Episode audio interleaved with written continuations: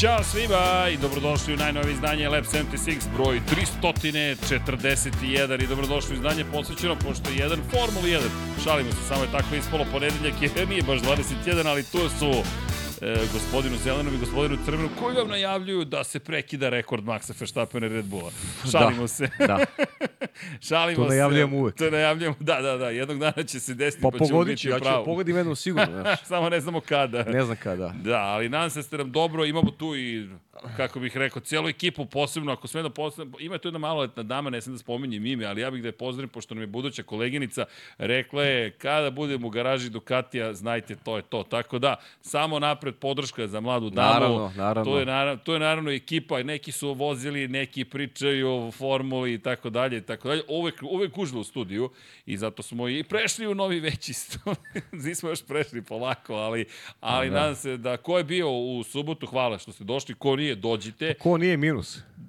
minus odmah, ne, ko nije, like. Minus. Ko nije, like, like pa je. Ma like, ne, ne, like. minus da bi, ali znaš kako, dva minusa, ovaj... Šta, su se- subscription. Pa ne, pretvaraju se u plus, znaš, U plus, tako da. dobro. da. Ništa, onda još jednom Još ne jedan dođite, minus pa onda i onda, dođite. onda dođete. I Da, da. kad dođete, o, nećete više da odlazite. Da, svašta nešto radimo, planiramo, kao što možete da vidite, veselo je raspoloženje na nivou. Najvažnija poruka, kao i uvek, sponsor ovoga podcasta ste vi. I zato, ne zato, nego generalno ljudi, mazite se pazite se budite dobri prema, jedni prema drugima. Vozite računa jedni prema drugima i šta da vam kažem, uživajte u životu. Lep je život dok smo živi, da uživamo i da se provedemo uz Formula 1, Jeste. Moto Grand Prix, ne znam, rukomet, neki su se proveli večeras uz rukomet. Sam ja, imam jedan amandman za ovu emisiju. Može Da, amandman. može amandman. Samo da ne pričamo o tome, molim. O tome ne, nećemo. Pokušaj da budem pa Erceg nisu uspešni. Znaš.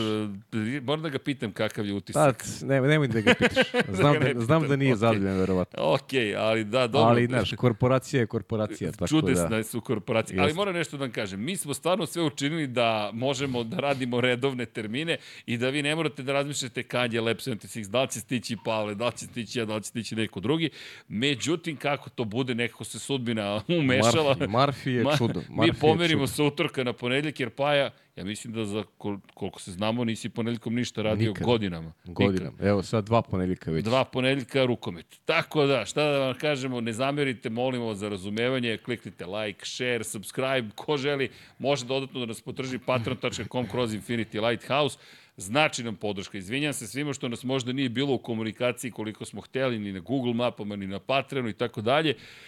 Ali bitka, nije ni bitka ljudi, nego trka koju trčimo je ovog leta dobila jedan čudan zaokret, pa onda ta situacija koja se stvorila da postoji mogućnost da ajde, sanjamo san na još neki čudni, čudesni način, je odluka malo vremena, energije i svega ostalog, ali Pa da. vraćamo se u kolo sveka. Ali ja mislim da smo stvarno dobili priliku i uradili nešto što nadam se da će nam svima učiniti stvari veselim. Eto, da tako kažem. Pa neke snove, desetogodišnje, deo Bukvalno. snova smo ostvarili. O nešto što smo ti ja pričali, čak u jednom momentu Pa nismo da, više da ni ima 10 razmišljali da godina, će da. biti realno.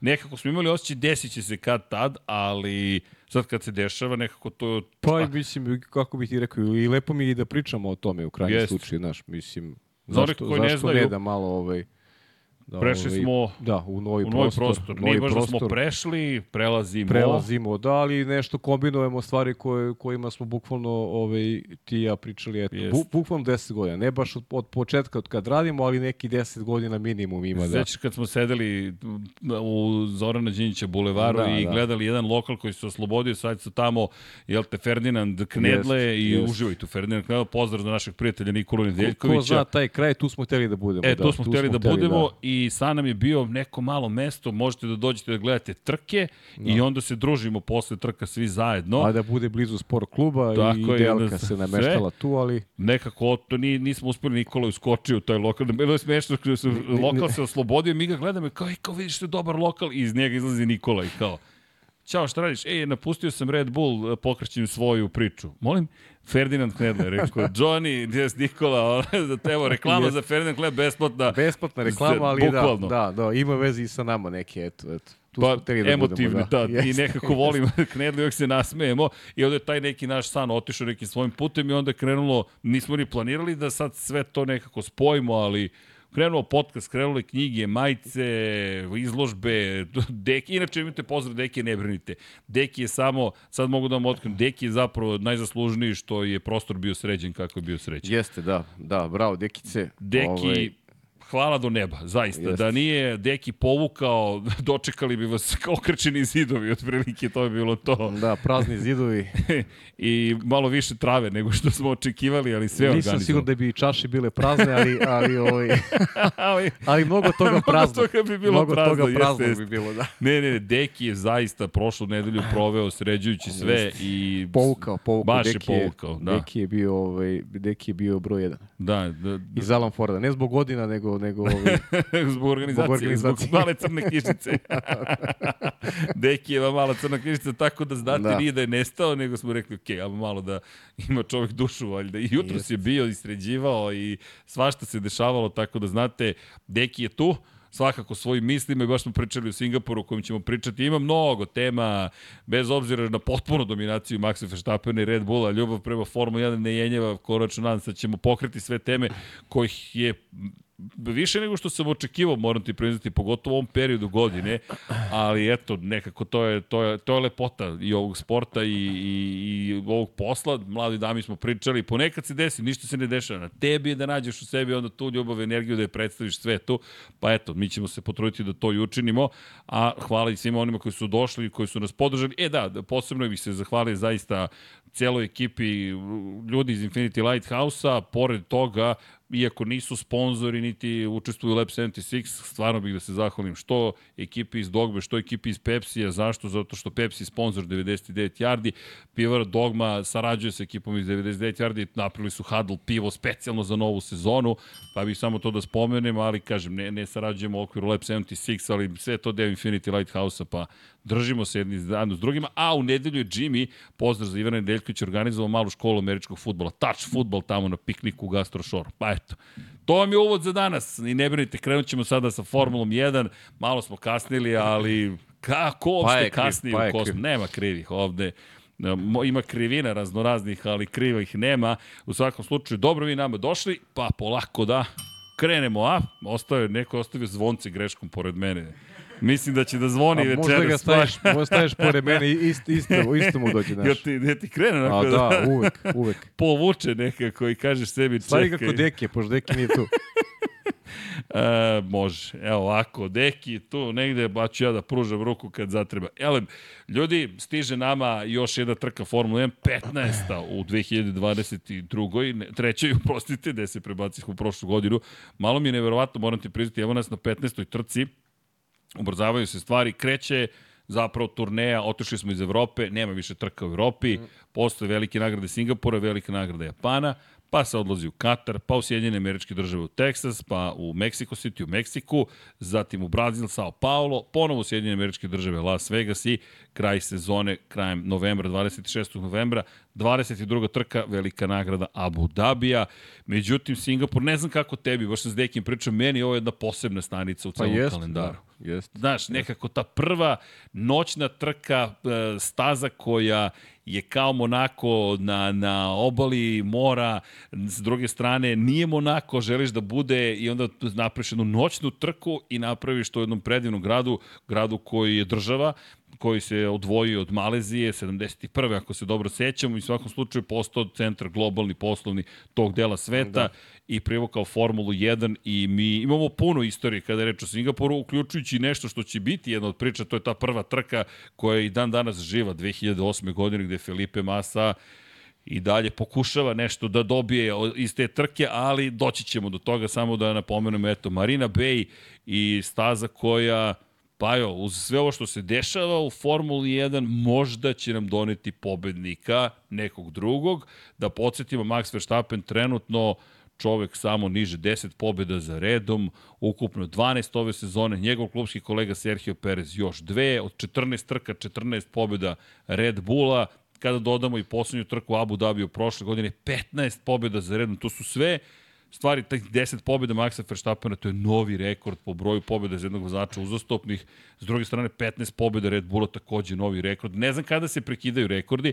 I razmišljao sam i ono izjavi Tota Wolfa, nisu bitni ti rekordi. Trenutno su nebitni samo iz jedne perspektive. Dok se ne završi ovaj ciklus i onda A- zaključimo koja je konačna Pa brojka. Toto Wolfu nisu bitni jer, jer ne učestvuju u njima. Bili bi mu bitni i u ono vreme su mu bili bitni. Mislim, to, to je sve logično u sportu i, i neko normalno. Ja bih po- počeo sa, to, sa tom nekom opštom pričom, ovaj, a vezana je za, za, za ovaj, onu kaznu Red Bulla i, i koliko taj sad ograničen broj sati u vazdušnom tunelu može da ih možda usujeti ili pomogne drugim. Opet s druge strane, koliko su drugi fokusirani na to što se dešava danas ili i oni razmišljaju o tome šta će biti sutra, čitaj sledeće godine. Tako da i tu je sad neka, onako neka priča koja je zanimljiva vezana za ono što ćemo gledati, što ćemo gledati do kraja. Pa nadodaj na to ovu tehničku direktivu 0.18 o zapravo dodatnoj kontroli savijanja, povijanja krila prednjeg. Na sve to dodajte da je Singapur možda i poslednja stanica gde bi mogli da budu ranjiviji u Red Bullu, pričat ćemo Pa zašto. dobro, zato što da, tu su sporije krivine i znaš, to je, či, čim je staza sporije krivine, odmah tražimo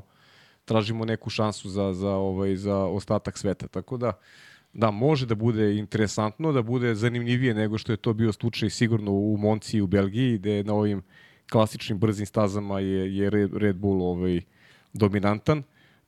Znamo da je Aston Martin ove godine se ponašao na stazama sličnih karakteristika dobro. Mislim da naš Singapur bi negde trebao da im odgovara.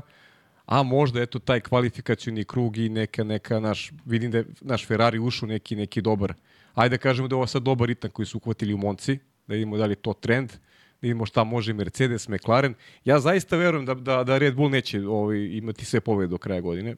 Zaista verujem jer prosto Znaš, to ti ona stara priča, zako velikih brojeva, nemoguće mi je da se ništa ne dogodi u jednoj sezoni, u 22 vikenda da se ništa ne dogodi i da ti ovaj, znaš, u konkurenciji takvih ekipa da ti ovaj, na, na, dominiraš, znaš, to, je, to mi je stvarno mi neverovatno, ali ajde, možda, možda i to vidimo ove godine. Šansa postoji. Ne, ne, postoji i ti kad, sad, kad sagledaš, kad, kad analiziraš sve trke do sada, ta šansa deluje onako i realno, ali kažem ti, prosto mi je prosto mi je neverovatno da to možda potraje shodno i kazni, jer čekaj, ajde, ajde, ajde postavimo stvari ovako.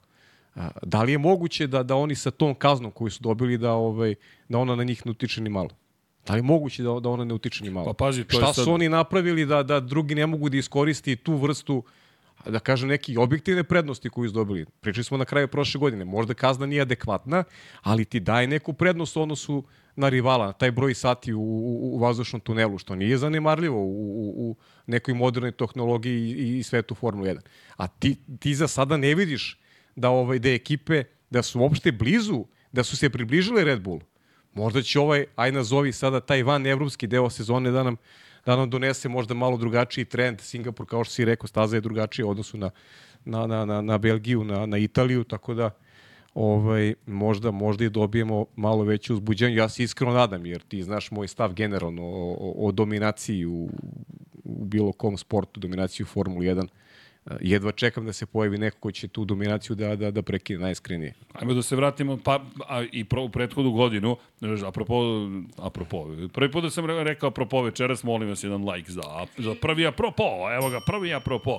Dakle, prošle godine pobedio Sergio Perez, dakle, u momentu Da. da. kada je Max Verstappen imao probleme u trci, pojavio se Čeko, pričat ćemo o Čeku, samo da ne zaboravimo, ovo je bio važan moment prošle godine za Sergio Jest, Pereza, velika pobeda i triumf koji je samo potvrdio koliko je dobar na uličnim stazama. Inače, preko 100.000 prosečnog gledalaca tokom trke, 302.000 prošle godine, potpuno popunjene tribine, tako da očekujemo istu spektakularnu atmosferu. E sad, u kvalifikacijama prošle godine na poziciji broj 1 bio je Charles Leclerc, ispred Serhija Pereza, Luisa Hamiltona, Carlosa Sainca, Fernanda Alonso u Alpini i Landa Norrisa u McLarenu. Da možeš da biraš, Max Verstappen je inače bio na poziciji broj 7 i kada pogledaš u toj celoj priči kako su stvari stajale prošle godine, kažeš čekaj, ajmo da vidimo. Inače, ko se ne seća, ako dva puta je prošle godine Red Bull tražio Maxu Verstappenu da odustane od brzih krugova. To je bila jedna bizarna uh -huh. situacija gde je on odustao, misleći, mislili smo mi da će da se zaleti u drugi, pa odustaje se još jednom na kraju, zapravo ni nije postavio željeno vreme. Ali, šta hoću da kažem, pazi sad i mene. Charles Leclerc, ok, nije osvojio pol poziciju u Monci pre 10 dana, pre 8, zapravo 9 dana, Dolazimo u situaciju da je Carlos Sainz bio brz, prošle godine je bio brz, Lewis Hamilton i Mercedes. Ako se vratimo na Mađarsku ove godine, samo da napomenemo, staza u Singapuru, e da inače, staza je promenjena, da ne zaboravimo da staza izgleda drugačije nego što izgledala prethodnih godina. Dakle, mi ćemo imati novu konfiguraciju staze i to će takođe biti zanimljivo. Možda to malo smanjuje prednost koju rivali imaju u odnosu prednost. O tim nekim situacijama odnosu na Red Bull, ali do prošle godine mi smo imali stazu koja je, inače ovo će dalje ostati vrlo dugačka staza, očekujemo i dalje trka da traje 2 sata, ali umesto 23 krivine koje smo imali do sada, mi ćemo ove godine imati 19 krivina. Kompletan jedan sektor je zapravo produžen samo i između krivina sada 15 i 16 imate pravac. Dakle, to bi trebalo da pomogne Red Bullu, pa možda neće biti tako kao što bi bilo prethodnih godina, ali opet, dosta sporih krivina, gde je Aston Martin veoma dobar, deluje da bi Mercedesu mogla da prije ovakva staza, nizak nivo downforce-a, to jest negativnog uzgona ili ti nizgona, sve to negde pomaže rivalima da se smanji razlika. Pa dodajemo tehničku direktivu 18, Samo da napomenem sad, da ne zakomplikujem previše, neću ulaziti u mnogo detalja, ali Tehnička direktiva 18 je stara direktiva koja je nestala, ona je uvedena 2021. Bila je tu 2022. i 2023. veći deo te direktive je uveden zapravo u pravilnik. Šta je govorila ta direktiva? Direktiva se bavila zapravo načinom na koji će se proveravati i vršiti statički testovi povijanja zadnjeg krila. Međutim, godinama, ako se sećate kadrova gde je kamera postavljena na nos bolida, pa pokazuje prednji kraj, to je prednji krilo, pa vidite kako se jedan deo krila savija pod, jel te, po, po, e, e, negativnim uzgonom. Dakle, imamo pritisak aerodinamički koji pritiska i onda na kočenju se samo vrati nazad. Dakle, šta se dešavalo? Smanjuje se otpor vazduha, povećava se maksimalna brzina, ali kada dođe vreme za, za skretanje, podigne se nazad, jel te, taj deo prosto prednjeg krila i vi imate i dalje vrlo, vrlo efikasno krilo u krivinama. A isto tako je aerodinamički efikasno za maksimalnu brzinu na drugi način, na, na pravcima. FIA to, Međunarodna automobilska federacija, želi da iskoreni. Ako obratite pažnju na zadnje krilo na bolidima, vidjet ćete tačke koje se takođe koriste za video analizu koliko se povija određena površina krila. To sada smatraju da Red Bullu donosi ogromnu prednost, kao i uvek, jel te, ako ne, A, ko je najbolji? Kada, ko je najbolji, njega ciljaš, gađaš ga i u ovom situaciji se veruje da će Red Bull to izgubiti. Iskreno pa, da li ti misliš da će ova tehnička direktiva išta da promeni? Prošle godine smo imali tehničku direktivu čuvenu protiv poskakivanja koja je dovela do toga da svi ostali zaostanu u odnosu na Red Bull, a ne da bude obrnuto.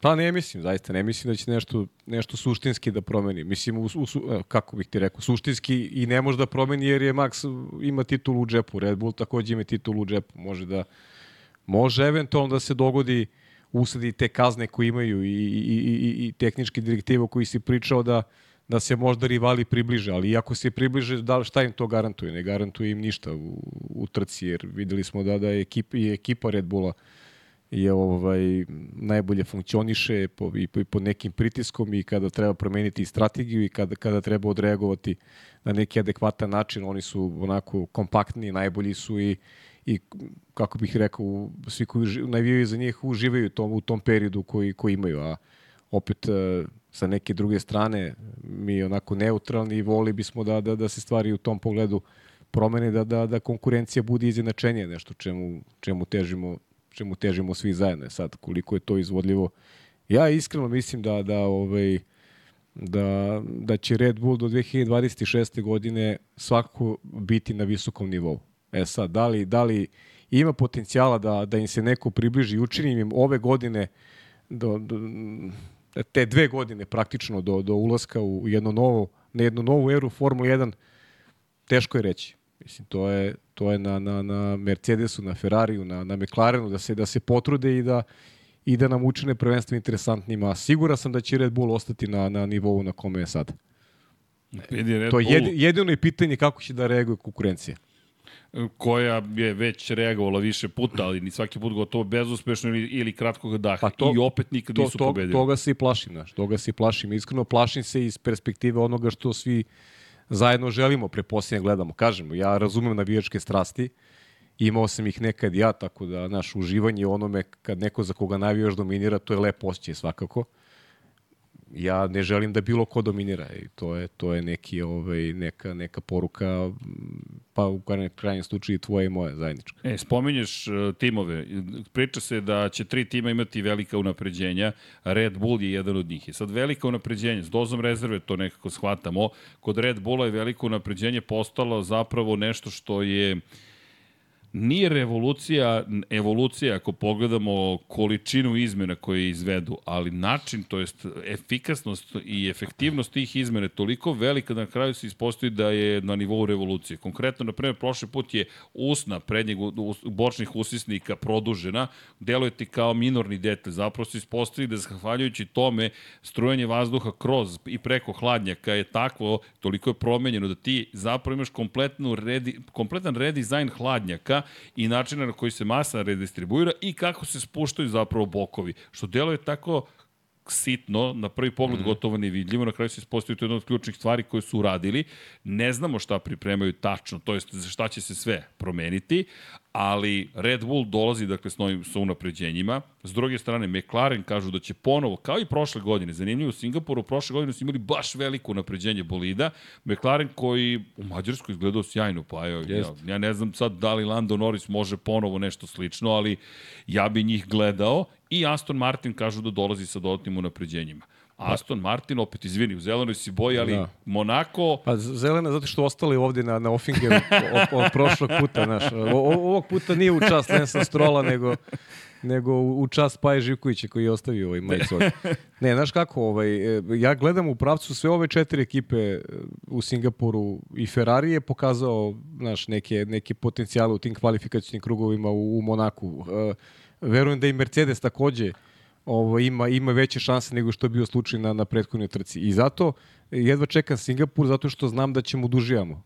Svi zajedno ćemo dužijamo. I ti ja ćemo dužijamo jer, jer ima, fokus, imamo fokus, fokus samo na Formuli 1. I isto razmišljamo, da, fokus. Imamo fokus samo na Formuli 1 i maksimalno ćemo uživati. ja verujem je. da će biti ovaj da će biti sjajne kvalifikacije pre svega, ali i pripreme za kvalifikacije će biti zabavne da spoznamo uh, da spoznamo šta donose ta unapređenja, da ne pričamo njima napred, unapred, jer verujemo da ćemo tamo negde drugi, treći trening ovaj, imati jasnu sliku o tome ko i da li može da ugrozi Red Bull na ovom neverovatnom putu koji imaju od, od 14 pobjeda, što je, što je zaista fascinantno i, i, i, i verujem mi da, da me stalno tera na razmišljanje ovaj, ona, ona priča kako danas gledaju Red Bullu na, na, na to da, da su mogli Maxu da obezbede da ima svih 14 pobjeda ove godine. Što je, baš razmišljam o tome, jer, jer je to nešto nesvakidašnje, ono, ne, ne, ne, neverovatno nešto, a moglo da se dogodi. Realno moglo da se dogodi. 14 pobjeda za redom za vozača jedno. Na to je u, Imali su, u, ist, u istoj sezoni. U, u, u obe pobjede Serhije Pereza Maxi bio drugi. Oni zato su mogli da kažem, da narede. Zato i kažem, mogli su da narede. Poštujemo što nisu, ali takođe Poštujemo, da ih sad je. pitaš da ste znali, Pa ja, Koji bi odgovor ja bio? Ja moram ti priznam, pošto ovaj, nisam navijač, ali, ali sad iz ovog ugla meni je malo i žao što to nisu radili, znaš. Bez ozira što zagovaram to da bude interesantnije, ali, znaš, kad već imamo ovakvu sezonu, ovo bi bilo potpuno, potpuno ludila priča, ludilo priča da imaš jednog vozača sa, sa, sa 14 pobjeda, pa makar te pobjede došli na način, ne, ajde, ti si prvi vozač, mislim, i u prošlosti su se i drugi sklanjali šampionima, tako da ne bi bilo ništa novo. Sklanjali su i Šumecheru, sklanjali su i nekim drugim vozačima, tako da, znaš, kad imaš dominaciju, ovaj, zaboravio bi se, zaboravili bi se ti detalji. Pa vidi, kada pričamo o tome, sada dolazimo, u početku smo pričali, šta misliš, da li bi mogao ovaj rekord da padne, da li bi mogao onaj rekord da padne, da li bi moglo ovo da se desi, da li bi moglo ono da se desi. Sada kada se sve to dešava, ono što pričamo, dve stvari. Prvo, svaka trka priča za sebe. Evo, pogledajte Zandvortu. Potpuni haos u Zandvortu smo očekivali. Jednostavno, mnogo preticanja, strategije, promenjivi vremenski uslovi, svašta se dešava, neverovatni potezi veterana, pa i greške timova timova, dođeš u Moncu i kao Monci bilo je mnogo manje preticanja. Pa šta?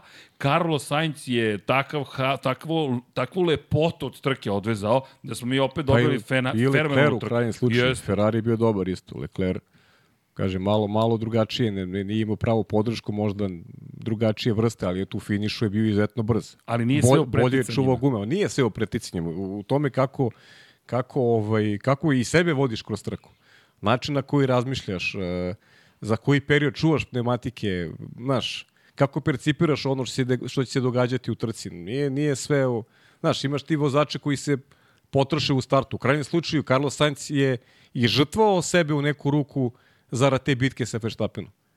Carlos je mogu drugačije da rezonuje. Da kaže, aha, da izračunam, pa ja sa Maxu ne mogu da se trkam realno. Ovaj, prvi njegov pritisak, ja ću se povučen, čuvam gume, gledam svoju trku, gledam kako ću da uzem to drugo mesto i da završim posao. je Tako? Pa mogu. Carlos da nije pravi otpor, mogo je drugačije da, da ovaj, gleda na trku. On je mogao da bude taj koji će drugo, koji da čuva drugo mesto. Pa mogao je, ali on je, on je znaš, trkač je, pohvala. Teo je da se trka sa Maxom i dao nam je, dao nam je vrhunsku zabavu. E, ali zato i to... Niko se nije trkao sa Maxom ove godine kao, kao Carlos. E, Pa da, i da, možda mi slavimo sada kada kažemo, ej vidi šta se desilo, desilo se da smo imali 16 krugova u kojima je neko drugi vozio, ali kakve veze ima, zar to sve zajedno nije jedna lepota, zapravo što u detaljima nalazimo makar mi nalazimo lepotu i to je ono što hoću da kažem. Imaš svaku nedeljnu trku, ali pride sada, Pa možeš, ili, sad možeš istoriju. ili da hejtuješ, da kažeš ovo, znaš, ili, ili, ili ako voliš trkanje da nađeš neke, neke pozitivne, ovaj, ja biram da nađemo neke lepe stvari koje, a u svakoj trci mogu da se nađu neke lepe stvari, zaista. Ja, meni je fenomenalno zapravo sada u ovoj celoj situaciji što mi sada pričamo zapravo o tome da prisustujemo ne, ne samo jednom rekordu, već nečemu što se tako redko viđa, pa ajmo da vidimo dok će da traje. I ovo pitanje jeste legitimno. Ima tu još par stvari za Red Bull koje možda mogu biti problematične. To su ivičnjaci na ovoj stazi. Da. Ova staza ima vrlo visoke ivičnjake i iz te perspektive možda će Red Bull biti malo podignut više nego što bi želeli. Ne kažem da će to jedno da bude čudesni srebrni metak koji će zaustaviti Red Bull. Ne, ali ajmo, stvari se dešavaju i vraća me na subotu. Zašto na subotu kvalifikacije? Ako opet u kvalifikacijama bude bilo kakvih problema za Maxa, mada iskreno mislim da će želeti osvetu za prošlu godinu, jer mi deluje da će to lično shvatiti. E, to je sad taj pogled, znaš, šta je sad, probamo malo da se bavimo psihologijom, znaš, gledaš, da razmišljamo malo, ovaj, nikad ne volim taj pogled kao i svoje glave, znaš, gledaš ovaj, kako, kako neko možda rezonuje, ali prosto, znaš, Pokušaš ma, da malo, shvatiš. malo opcija imamo da, da ovaj, prosto ne komuniciramo sa tim ljudima, nismo na licu mesta da bismo mogli da, ovaj, da pričamo ovaj, onako, onako iz, što se kaže, iz, iz, iz uh, prve ruke. Uh, znaš, došao si do jednog cilja, imaš 10 vezanih pobjeda. Je li tako? Znači, napravio Da. si nešto što je apsolutni rekord. Šta ti još juriš? Juriš tih 19 podijuma, nedostaje ti još četiri trke da budeš na podijumu da bi stigao a, Mihajla Šumihera i ima tu još ajde nekih ajde sitnih nekih ovaj detalja, ali kako se ponašaš sada, znaš, da li, i on je čovjek, nije mašina Max. On je živo biće i a, možda, možda si on opustio nakon te monce. Znaš, možda je prosto došao u fazu kad kaže sebi čekaj, mislim, zaslužio sam malo oduška, ovo je i suviše stresno bilo i za, i za, moj, i za moj um, i za, i za moje telo, i za, i za moje okruženje u krajnjem slučaju. Došao sam do nekog, do nekog ovaj kvaliteta koji je najviši mogući. Ajde sada malo da, ovaj, da, imam najbolji bolid, ali ajde, ono, neću da pustim drugi, ali prosto uh, nemam više taj fokus jer sam poobaro sam rekorde koje sam ovaj koje je želela i ekipa, a želeo sam i sam, znaš. I to je sad taj pogled njegov. Koliko on spreman da drži taj fokus koji ima. Jer e, i u prethodnih 10 trka potkradale su se neke greške s vremena na vreme. Čak se i smeo, Bilo na, je. čak se i smeo Bilo na, na račun okej. tih grešaka. Ali, ali fokus, je, fokus je maksimalan. Šampioni su u stanju da drže fokus tokom uh, maltene čitave karijere, makar većeg dela. Znamo da Lewis Hamilton ima malo drugačiji pristup. Lewis je znao kad obezbedi titulu da, da se opusti da, da onako se više prepusti nekim, nekim drugim mužicima, a Maxa još nismo videli u ovakvoj poziciji da, da ima ovaj, e, apsolutnu kontrolu nad šampionatom, ima kontrolu nad rivalima. E sad, da li si spreman da guraš do kraja, da, da pojačaš ovaj, tu prednost, kontrolu, broj pobjeda, ili će jednog momenta doći do nekog, do nekog opuštanja. Sad su to, kažem, to sad samo u njegovoj glavi kako se odvijaju procesi, ja zaista ne znam ovaj, kakva je priča, ali mi negde logično, ljudski da, da kad neke ciljeve ostvariš, da ti dolazi malo da dolazi do opuštanja, da malo razmišljaš nekim drugim stvarima, da ti da ti nije apsolutni, da, fokus ti je na posao, ali nije apsolutni fokus na ono što te čeka tokom trkačkog vikenda. Pa ajde vidimo kako će odreagovati. Ti kažeš e, tražit će osvetu za prošlu godinu. Dobro. Ajde vidimo da li traži osvetu. kažeš? Pa ne znam, znaš, kažem ti, ovi, neću da se bavim prognozama jer jer to ti je sad ono, naš, psihologija, naš, ono, kako se neki kako se ljudski um postavlja prema prema određenoj situaciji i, i koliko sad teži nekim nekim novim izazovima u situaciji kada je neke limite već postavio, znaš, to to je kompleksno je pitanje i čekam odgovor da vidim ovaj kako će kako će se ponašati. A meni on ne deluje umorno, iskreno. Meni on deluje kao čovek koji se silno zabavlja. Ali najiskrenije, deluje mi kao... to je Srki, znaš kako, ajde. Sad nagađamo, pa, vidi. Znaš, ajde pričamo iskreno, koliko puta ono ti ja delimo i neke i neke privatne stvari, nismo samo kolege, već delimo Naravno, i neke privatne smo. stvari, pa pa znaš i sam koliko puta sednemo za ovu stolicu, a nisu nam sve na broju, ali ljudi vide da smo mi pozitivni, da mi pričamo o stvarima koje volimo, dajemo neku energiju i tako. I znaš. tako je. E, to je sad pitanje, znaš, kako on, on sedne, on, on za publiku izgleda, izgleda nasmejano, izgleda dobro, ali kako se on osjeća u, u, u celoj priči, to Ali samo vidi, on zna, znaš. Ali znaš kako, meni to, ajde, iz perspektive ovoga što radimo, pa i komentarisanje bilo čega, meni se sve promeni u momentu kada, kada ne znam, krene prenos. Znaš i sam, dođemo, da li smo umorni, jedan ujutro, tri ujutro, spavali smo 42 minuta, šlogiran si, podočnjen Jest, si, nateko si, i onda se uključiš kao da ti neko upali neku drugu Pa bateriju. da, ali ti ja pričam, ali ovo je vrhunski sport. Jeste, ovo okej. je maksimalna Ali fizička on je- priprema, naš, mislim da je on bolje koncentracija, pripremljen um, od naš. nas. Ne, ne, pa ne, ne, nema, pa ne, to, to nije, to nije, To nije teško. Nije, pa nije dilema uopšte to, znaš. Ali, ali, znaš, to je sad pitanje šta njega, da, da se izrazim tako, radi. Znaš, da, e, Upravo to, to ne znamo, upravo ali to, šta ga radi, znaš. sad ćemo da saznamo. Jer te poruke koje on šalje da ne vidi sebe za 10 godina u Formuli 1 i te neke poruke koje, ove, koje šalje, koje on emituje, nisu baš u skladu sa nekim našim razmišljanjima da bi mogao da bude najbolji svih vremena po broju pobeda i znaš, on, on negde teži nekoj nekom mirnijem životu, makar, makar to emituje Znam, kroz te- javne kako je krenuo, Znaš. uskoro će 47 pobjeda Pa, ima, sad će Pa 48. jest, da, čet, sad, sad Zna, 48. sad će da. četir- Mislim, vidi, pretpostavljam, ne znam. Na, na, vlada se sme, ne. Toliko, toliko kraju Da, rekorda. da. Pa ne, ali vidi, sad je to postalo već kao podrazumevana stavka, znaš, gotovo nemoguća misija, ali mi Jest. tražimo argumentovano zašto bi u Singapuru stvari mogle drugačije da izgleda. Ne tvrdimo da hoće, nemamo predstavu, ali eto te kvalifikacije, gledajući ono što je do sada učinio, pazi, on će uskoro 100 pobedničkih postolja, on je već 91 put bio na pobedničkom postolju. Znaš, a on nema 26 godina, on čak ima 25 godina. On će sad 30. septembra da Ma napravi ne, to je, to je, to je 26 priča godina. za sebe, kažem ti, ali opet kad uđeš tako, tako mlad, kad uđeš u nešto što je i jak trenažni proces, prvo kad uđeš u društvo odraslih, on je kao maloletan ušao u društvo odraslih. On je sa 17 Znaš, imao prvu je- punu sezonu. To je, to je nešto što, što je atipično za svet Formula 1. To pre svega. Sećaš se kad su pričali, pa ja sam prvi bio protivnik ovaj, njegovog ulazka u Formulu 1.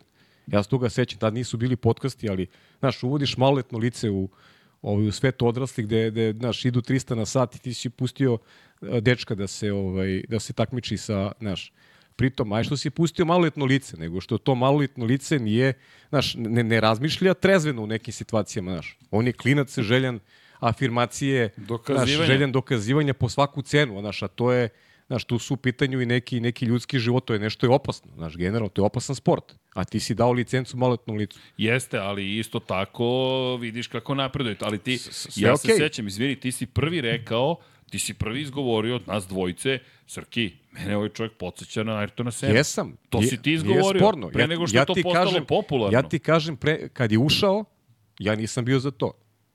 Da ulazi, neko je maloletan da ulazi u svet odraslih. Znaš, da ulazi u Formulu 1. Ka- Evo, sad sam objasnio zbog čega. A da, da podsjeća, da me podsjeća na Senu, da, izgovorio sam. Nije sporno, da, da podsjeća na Senu.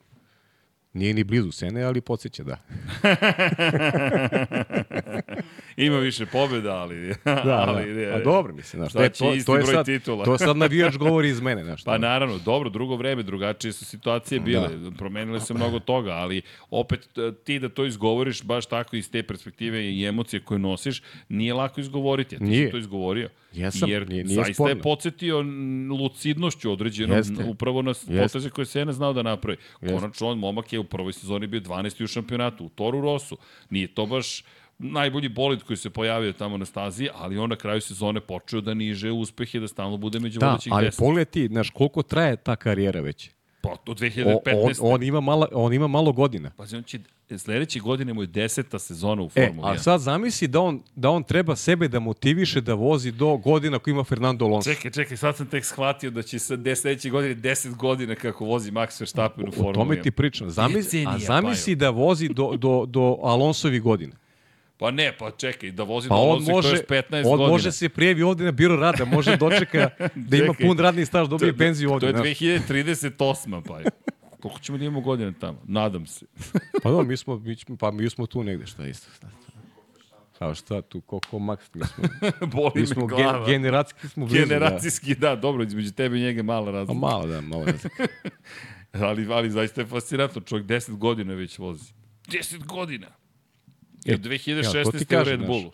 10 godina vozi, treba da se treba da se ovaj, pripremiš kruna. za znaš, treba sebe da i i znaš, negde ga i razumem šta priča, ali ali opet s druge strane ja a, Znam, a sad da razmišljam sportski, znaš, da, da, te, da te vuku ti neki rekordi, pritom on će momak da bude sutra, sutra Red Bull da ne postoji.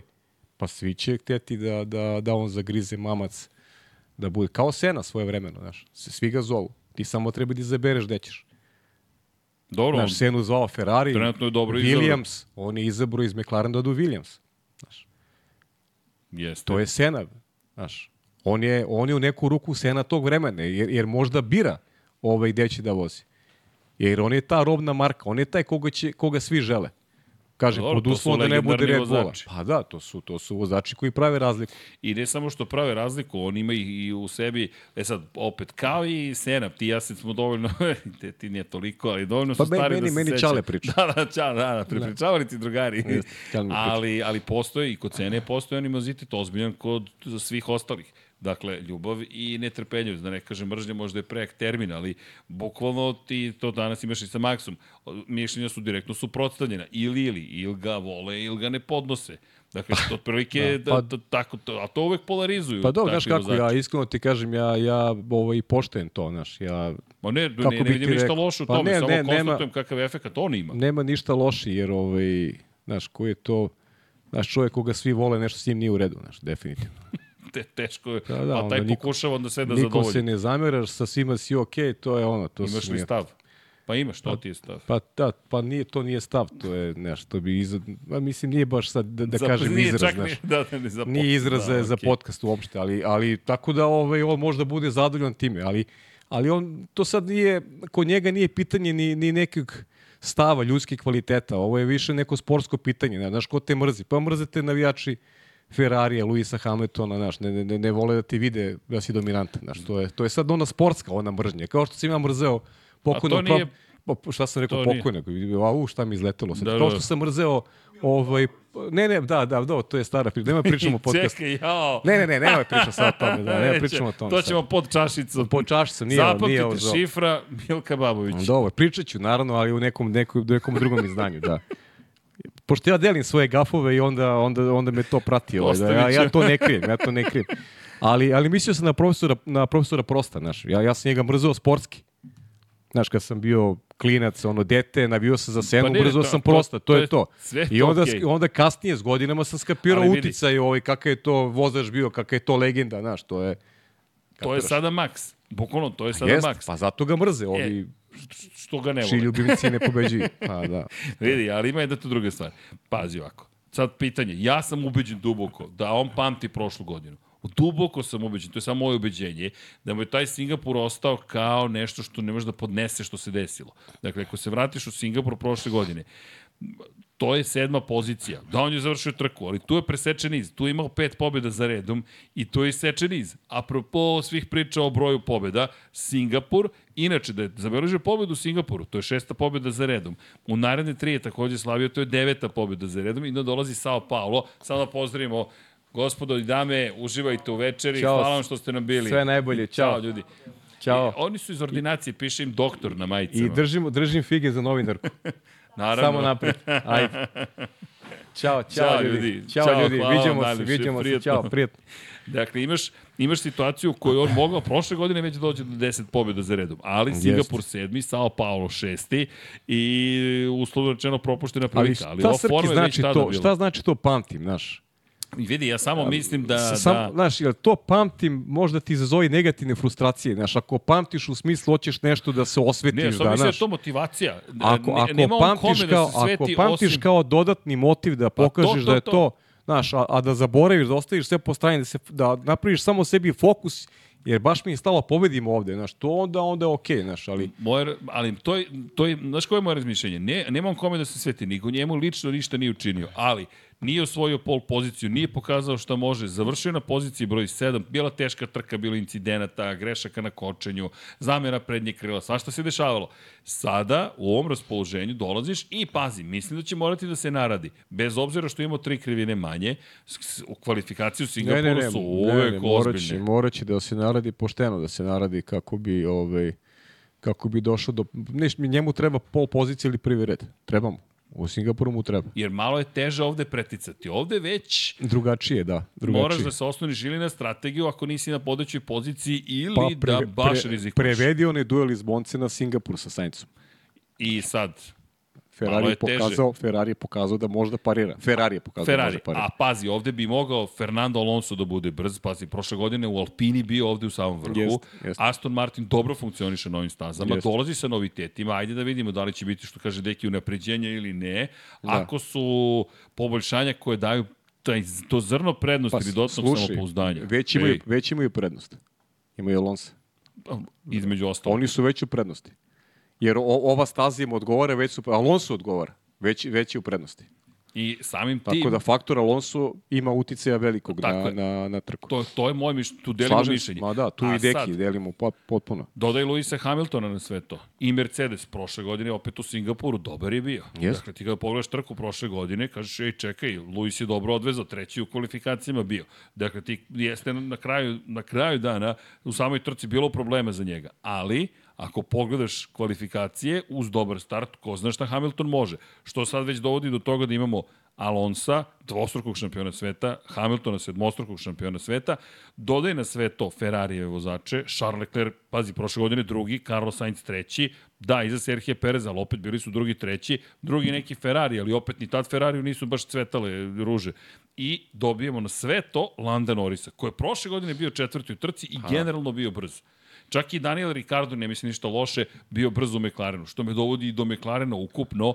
Znaš, mislim da će Max baš morati da se naradi. Što opet, mislim da, ga, da će ga motivisati. I on je rekao posle Monce, bilo je dobra trka, imali smo posle. Ajde, kažem ti da vidimo taj, taj test iza njega. Ono, test, eh, to je sad igra, igraš se sa svojim mozgom. Ti, ti konstantno samo moraš da igraš sa svojim mozgom. Da, da se stalno nešto ovaj, sebi dokazuješ, da budeš u fokusu, da ti znaš da si, ti znaš da si najbolji, ti znaš da imaš najbolji bolid, ali ti moraš da, da, da, ovaj, da, da sve to konstantno pretvaraš u, u, u, u neke, neke najveće moguće benefite. A to nije laka utakmica uopšte. Znaš, ko misli da je to lako, nije. Nije, nije uopšte nije lako. Jer način na koji on pobeđivo ove godine, e, onako u ih situacije je bio baš, baš impresivan. I način kako se ponaša i ta neka jurnjava i za najbržim krugom i znaš, on je, on je u nekom uh, konstantnom uh, konstantnoj potrazi za, za, za, ovaj, za, za, za najbolji mogućim brzi krug, to je ono poređenje sa, sa Senom, znaš, to je ono, znaš, ti teraš neka te, tebe, njega ekipa sputava u nekim idejama da, znaš, ajde malo povuci ruču, neće da voziš najbrži krug, on, on stalno želi da pomera granice.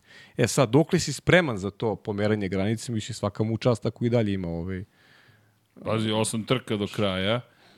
Je li tako? Ovo nam je če da, osam trka do kraja. Znaš, prošao si polo više od polovine sezone.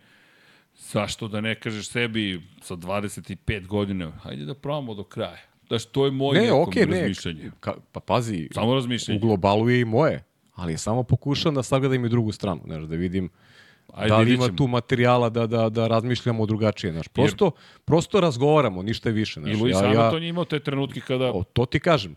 Ne, ne opućujem da će ovako biti, nego samo, samo glasno razmišljam na, na, na tu temu. Ne znam, ja mislim da će da je Max da živi trkanje trenutno. Da gledajući sve što radi, imam utisak da živi trkanje. Ali vidjet ćemo. Okej, e sad, E sad, postavka sa druge strane. Kako ovi momci, ovi, ka, da li oni žive trkanje. trkanje u smislu da, čekaj, ne mogu da gledam više da, da bude prvi, Uradit Pa ću ne samo sve. njega, taj Pa ne, što- a što bilo, ja ne bilo bih ko, pobedio. To, ne, ne mogu više da gledam, znaš, uh, po- po- postavljam i ovaj, postavljam i ozbiljan, uh, kako bih rekao, problem, ajde, sad nisam potrebio pravi Postoje izraz. frustracija. Pa da, ovaj, nameće, nameće neki, neki imperativ, uh, nameće, nameće terminologiju moći ovaj, i, i, i najavljuje, najavljuje da, da, da će to trajati u godinama koje slede. Ajde da probam da ga zustavim. Ajde da uradim nešto više da ga zustavim. Ajde da, ajde da budem Carlos Sainz. Ajde ajde, da mu, vratimo. ajde mu, i, i sećaš, i se sećaš duela u Monci? Sećam se. Za pa. malo dođe do kontakta između Sainz da i Verstappen. ali jeste sećaš kad smo rekli prošle godine u Brazilu kako je Sainz branio poziciju, da je to jedini čovek koji će se suprotstaviti Maxu Verstappenu na stazi. Ja sam bio ubeđen da je to Sainz. I, iako smatra da je talentovaniji Charles Leclerc i brži i sve i svašta, Carlos Sainz ima taj stav. Lepo je Deki rekao, to treba bude šef Ferrarija. Ne vozač Ferrarija, šef Ferrarija.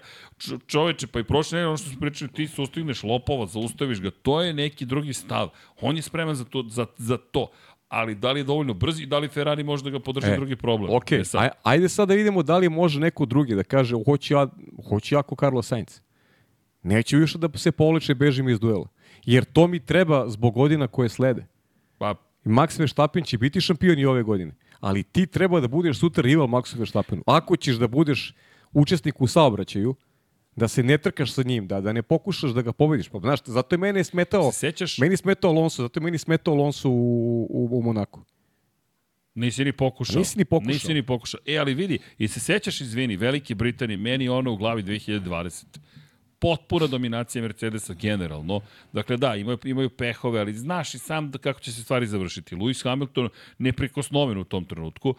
Max koji vozi da li na drugom ili trećem mestu i vozi se i kreće da, da agresivnije vozi, daleko od Mercedesa. I ekipa koja se kao Max, možeš da povedeš računa malo u gumama. A Max koji kaže, a što? A što? Ako samo vodimo računa sada o gumama i prihvatimo ovo treće mesto, kada ćemo da ih pobedimo? Pa da. Kada ćemo ikada da ih pobedimo? Hajde da nešto pokušamo. I on koji u, u komunikaciji kaže, dajte ljudi da promenimo To je nešto. to.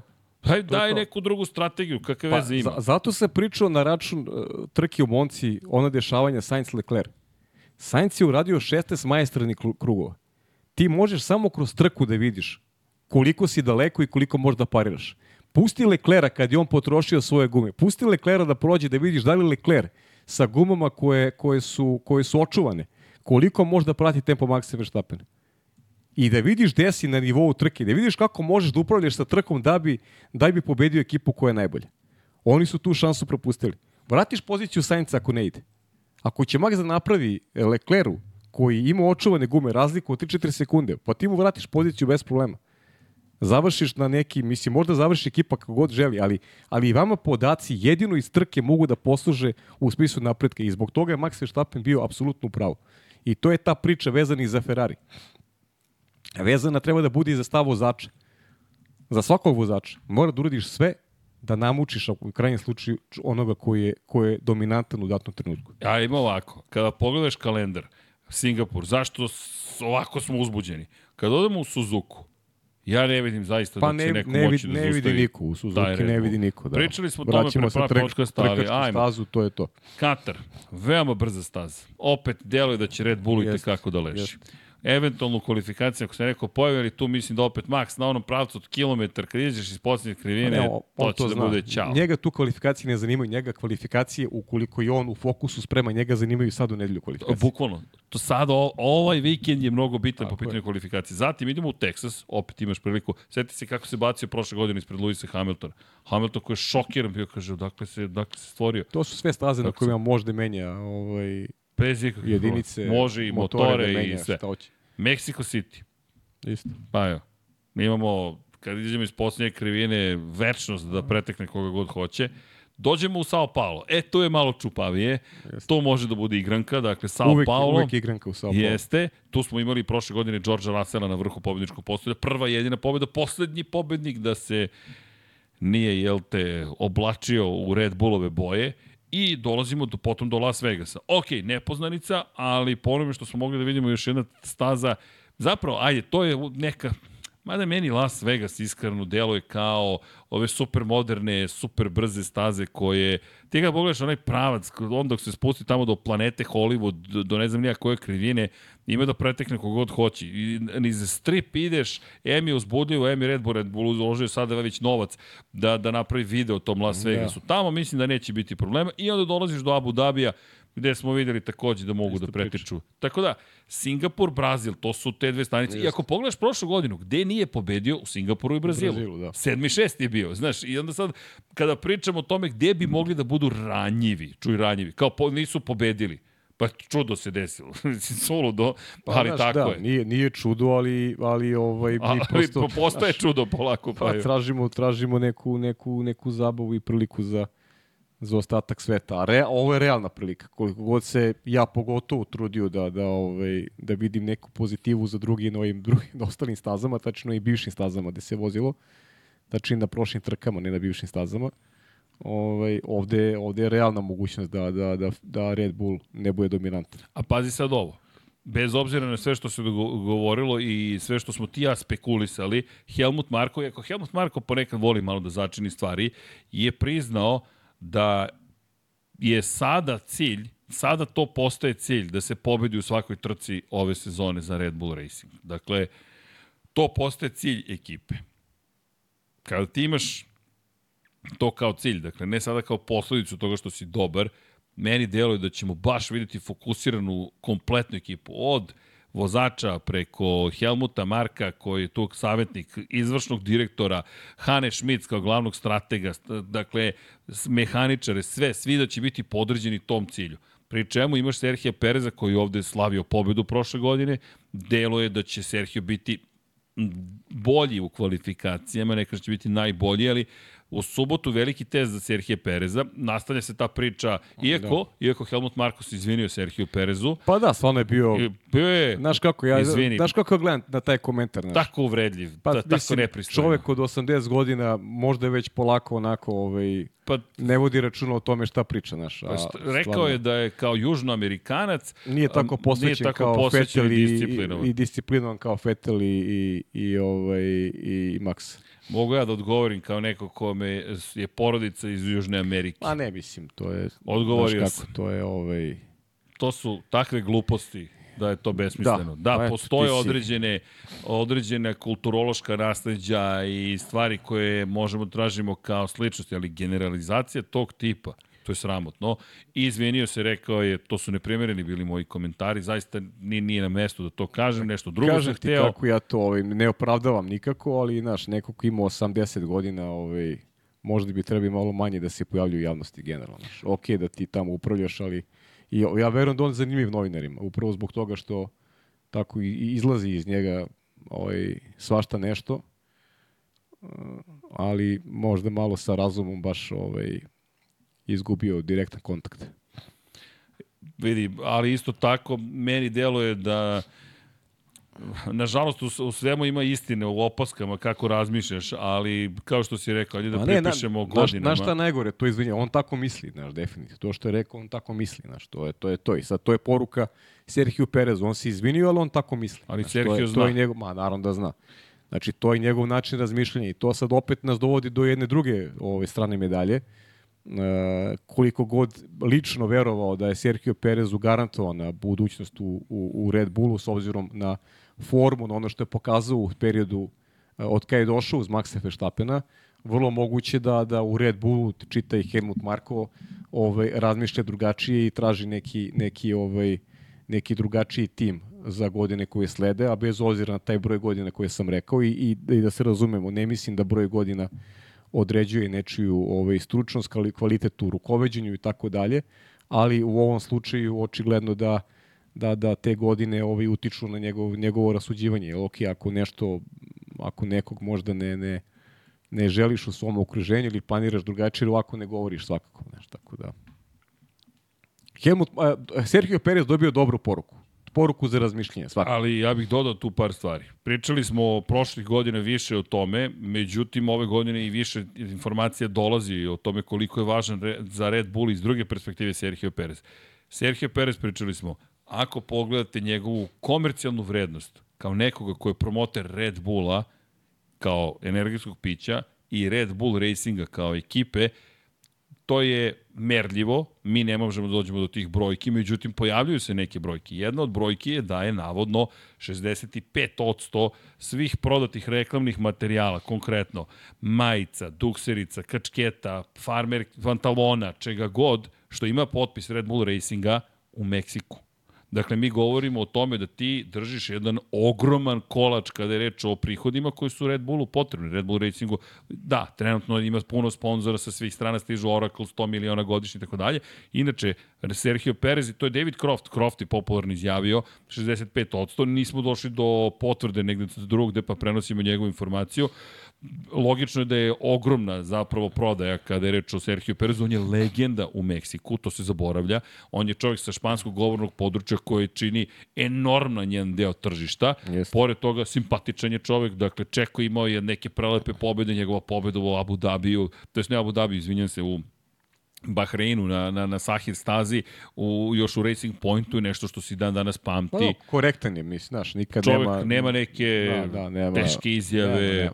Znaš, iz te perspektive i navodno 33 miliona dolara donosi još od sponzora u ekipu. Nije to tako loše. Znaš, ti imaš vozača, pritom koji je na poziciji broj 2 u šampionatu sveta, završava dovoljno dobar posao i cijela ta priča treba nam neko bolji zato što sledeće godine kada bude jači Mercedes, jači McLaren, jači Ferrari, jači Aston Martin, bit će nam potreban vozač broj 2. Pa to je sad pitanje samo srki odnosa snaga, naš. Mislim, unutar Red. Bulla. Ja, ja ti kažem da mislim da, da Ali stvarno mislim- ne misli da treba bolji. Čak i neko. van Re- Red Bulla Pa da, ali, ja ali to sad Helmut Marko. Zna, zna se čiji je čovjek bio Helmut Marko. Dietricha Matešića. Tako je, nema više Dietricha. Sad je pitanje, znaš, koliko, E. znaš, koliko i dalje taj njegov, taj njegova govorkanja i priče o tome šta će da bude, hoće da bude, koliko ima uticaja na ekipu, koliko, ko, da li je i dalje njegova reč, da li on taj koji lomi i dalje? E, to ja nisam siguran. Pa nisam ni ja, ti reći da kažem, nisam nisam siguran. siguran ni ja. Mislim da je Christian Horner sve više tu Isto. čovek koji Slažemo se se. pita. Ja, nismo nikad pričali o tome i ja Bukvalno mislim da nismo do tako. sad progovorili o tome. Ali to je moj utisak. Ima još jedna stvar. Isto, isto. Ljudi koji su preuzeli Red Bull kompaniju, ne Red Bull Racing, pit- nisam siguran da su toliko pozitivno nastrojeni pa ka potrošnika Formuli 1. Da se razumemo, juče se ne znam s kim sam pričao, sa prijateljem Goranom, da nije bilo Dietricha Matešića, mi nikad ne bismo imali ovakav Red Bull. Zato što ne postoji kompanija koja bi logiku videla u onome što je video Dietrich Matešić. Dakle, to je srećna okolnost da je jedan milijarder, čovek koji je toliko bogat, a istovremeno čovjek koji uprava kompanijom koja konstantno raste, toliko zaljubljen u Formulu 1. Uh Jer šta će da dođe neko iz Mercedesa? Pa upravni odbor se pita. Mercedesu malo nije izašao 2013. iz celog šampionata. Alpina, čekamo upravni odbor da vidimo ko će zapravo biti i šta će se tamo dešavati. Kod Red Bulla se znalo. Tiranija. Ne mislim ništa loše time. Jednostavno imate kralja, monarha na vrhu gore koji je rekao mi trošimo pare na F1. Pa znam, ali Dietrich, molim? Ima neko nešto da kaže? Ne, nema niko ništa da kaže. Pare idu tu. S tim što je on čovjek genijalac bio, za marketing pre svega, i pretvorio je taj tim zapravo u mašinu za promociju Red Bulla, koja je sada postala više od toga, to je sad Red Bull Racing. I kada pogledaš proizvođače automobila, mogu samo da pozavide na budžetima koje je Red Bull u jednom momentu imao, ali, nažalost, čovjek je preminuo neko drugi preuzima, upravni odbor kada sedne i pogleda PNL, čuveni profits, losses, kaže, čekaj, nama treba i dalje ova ekipa, zato su i gledali da se ocepe i to je zašto su odbili Porsche, što Matešić, ne Matešić, izvinjam se, što Horner, što Nju i što Helmut Marko, jer odjednom oni moraju sada da stvore neku nezavisniju ekipu, pa se približavaju strateški Fordu koji će da da više novca i sad imaš vozača koji ti drugi u šampionatu i donosi ti pare. Ja ga se ne bih odrekao tako lako. Iskreno, ja ne bih rekao, e, e nisi dovoljno brz, ali naravno nikad ne znamo šta želi Znaš Christian Horner. imam, imam, imam utisak da, da, ovaj, da, ne znamo šta želi Christian Horner, ali ovi istupi uh, uh, doktora Helmuta Marka jasno upućuju na to da, da, da saznamo šta on ne želi, znaš. Jer, jer meni je to poruka šta on ne želi. Ne znamo šta on želi, ali opet s druge strane sve više dobijamo upute da, da ovaj, izgleda da, da, da je Lando Norris taj koga oni, koga Koga oni žele. žele. Znaš. I to je, to je sve češće provejava kroz, kroz ovaj, ajde da kažem tu neku, neku međunarodnu javnost, aj tako da je nazovem, jer imamo prilike da čitamo čak i, i neka po znacima navoda nabacivanja od strana Landa i, i, i, i priča o tome da, da, da bi Red Bull rado upario Maxa i Landa je sad, znaš, ne znam šta Lando dobija sa tim, u suštini ovaj, ja tog momka zaista vidim kao nekog budućeg šampiona, da li u društvu Maxa Verstappena on može da dobije nazovi ravnopravno uslovi i da se bori za šampionsku titulu ili treba da bude neki Sergio Perez, ne znam, ali, ali nekako a, sudeći i po, i po Landu, on kao da blagonaklono gleda na, na, na tu celu priču. Tako da mi to ovako nije više nemoguća, nemoguća misija da, da se tako nešto da se tako nešto dogodi. E, Kada pričamo o Landu Norrisu i Sergio Perezu, o, super si šlagvort napravio. Lando Norris je mega giga zvezda. Zaista, ogromna zvezda. Jeste. I Lando bi mogao i tekako da pokrije ili ti ko, moje mišljenje sada, kad sad si mi dao zaokruženo mišljenje, može da zameni Serhija Pereza. Pa ne samo da bude dobar vozač, nego mora da ispunjava sve ustoje. A Lando ih sve ispunjava. Samo zamisli koliko će se prodavati robe koje Red Bull Racing Merchandise ako dobiješ Landa Norrisa. Ja Jeste. sad pričam samo o biznisu, ne govorimo čak ni o vozačkim kvalitetima. Samo poslovno gledano, ti ćeš manji udar podeti. Pri čemu? Velika Britanija i dalje najvažnije tržište za Formulu 1. Ali ima druga strana medalje. Dobro? Da li je Lando taj koji će da kaže Max je glavni? Biću ministar odbrane. Znaš, ja E, ću, ja sad, ću da mu čuvam leđe. To ne znam, znaš, to ne znam. Da li želiš takvu, takvu situaciju u kući? Već si je imao. Z- Zašto sam ja, e, znaš, mnogi mi nešto, znaš, ja sam protiv Ricarda i, da, jesam protiv Ricarda. Ali ne lično. Protiv ovakvog Ricarda kakav je na stazi, jesam, ali ja, ja sam najveći fan Ricarda bio u smislu ona njegova odluka da ode iz Red Bulla je, je za mene bio potis karijeri njegove. Pa E sad, to je... što to nije iskoristio na najbolji mogući način šansu koja mu se kasnije ukazala ili je možda pogrešno birao, to je sad već neka druga strana medalje. Ili se možda zadovoljio nekim uh, malim stvarima, a male stvari, kad kaže male stvari, za njega su velike, ali u, sportskom smislu, u sportskom smislu za mene su male, a, a to je ovaj Izvinite, malo vode. uz, uzeti novac, uzeti novac za mene su male stvari, ovaj, ako si vrhunski sportista, moraš da napraviš nešto veliko u karijeri ako imaš tog dara, ja mislim da ga Daniel ima, ali nekako kad je uzeo novac, čini mi se da je da su ovaj stvari da su stvari otišle nekim nekim tokom koje koji nisu nagoveštavali njegov o, o, ono što se dešavalo na početku njegove karijere. I mislim da je ono što je Christian Horner rekao kada se vratio u Red Bull, da je bio, izvini pa što si ti dao manju šolju, malo sam bio sebičan. Ne, ne, pa ja sam ti tražio ovo, ja sam ti Jesi? tražio ovu, da. Hvala da. ti. Pa ne, Inače, ti- tu šolju u- možete da kupite. ti uvek piješ iz te šolje, shop.infinitylighthouse.com. Ovu Ovu ne možete još da kupite, ali proizvodit ćemo i ovakve da. velike. Ali mislim da je odlazak u McLaren bio konačni udarac zapravo za, za Daniela Ricarda, da je tamo očekivao mnogo bolju školu, u školu, mnogo bolju organizaciju koju se nije snašao, Lando Norris jeste snašao. E sad da se vratimo na ovu priču, odlično je pitanje. Dakle, inače, za propos Daniela Ricarda, ako je neko bio za Ricarda u Renault, znam ko je bio za Ricarda u Renault, Sjećaš jesi se. ti prvi rekao ovaj čovjek ide na pobedničko postolje i ja kažem da će pobediti. Ti si tipovao na njegove pobede, da će vremenom Yes, nići ka yes, vrhu. yes. Nažalost, Me, meni, se, meni se ta cela priča svidela, međutim, Ricardo nije ispunio očekivanja nikakva i I znaš, ja se, sad sam recimo ovo Alfa Tauri, pa ja bi pre puštao Lijama Lawsona da vozi nego, nego što bi Ricarda. Ajde, vratit ćemo se na temu ovu, ali Liam Lawson, njegovo preticanje Kevina Magnusena u Monci, gledao sam ponovo neke Srđane, stvari. obe trke koje je odvezao. Vidi, A momak je, momak je sjajan. ona preciznost na kočenju, ja gde gledam, ide napada Kevina Magnusena i ra, pa- pazi, ok, to jeste Haas, ali ovo je Alfa Tauri, svi kažu da Alfa Tauri najgori. I on ga pretiče i gledam, i razmišljam, ne, on će sad da nastavi pravo, ne, on uspeva da skrene upravo u šikanu. A da. I gledam, čovječe, koju ti kontrolu nad bolidom imaš, nad kočenjem, to je na nivou onoga što treba Daniel Ricardo da radi. To Upravo su ta to. kočenja. Da se ja bacim ispred tebe, Pa ono, završim što, ono što je radio u krajnjem slučaju. Vidi, meni se, mene Lawson Daniel, oduševio. Daniel Ricardo na Oduševio. kočenju, kad se pojavio, to je bilo milina za gledati. Samo smo čekali kad će da pretekne A, i gde. milina, milina za Tamo u gledati. Kini, u krivini broj 4 je pretekao Kimije. Toga se baš sećam. Smo mislili, nema šanse ovde da se Ma pretekne. Srki, mnogo stvari. Kako je Fetela oduvao u onoj prvoj sezoni u... U Red Bullu, u, Red u Bullu. hibridima. A da. Bukvalno je čoveka poslao u. Ferrari. Poslao ga u Ferrari. A, Rekao mu, ej, traži novi izazov. Bukvalno. I, I otvorio, zapravo Daniel Ricardo je odgovoran što je Max Verstappen nikad dobio šansu, jer da Vettel nije otišao, Vettel bi ostao taj koga drži nešto Daniel bi, Ricardo. ne, nešto bi izmislio Horneru, ovaj Helmut Marko. Ne, za Maxa su vrata bila Ne, ne, ne. unapred otvorena. A to se sad Pitanje je dosta samo priča. bilo vremena, znaš Da, šta će. a pa Mercedes je želeo Maxa Se, Verstappena. ceo projekat se vodi oko toga da Max bude prvi vozač. Ali zanimljivo, Mercedes je taj koji je imao mogućnost da sarađuje sa Verstappenom. To, to se sad priča, vrti i poteže se kao zašto nije Mercedesu. Zato što je Mercedes njemu ponudio Formulu 3, pa Formulu 2, to je GP3, GP2, pa Formulu 1. A Red Bull je došao i rekao, evo ti Toro Rosso sa 17 godina. Pa gde ćeš da potpišeš? Odmah Formula 1. Što ga nema u nižim kategorijama, zato što su planski preskočili. Kad prepoznaš talent, talenta, ovaj, da, Menjaš pravila. Tražiš, da, tražiš Kršiš mu, ih. tražiš mu najbolju opciju, znaš, ono što će onda zagrize da prihvati. U svakom slučaju, Liam Lawson, ja se nadam da će mu na, neko naći mesto.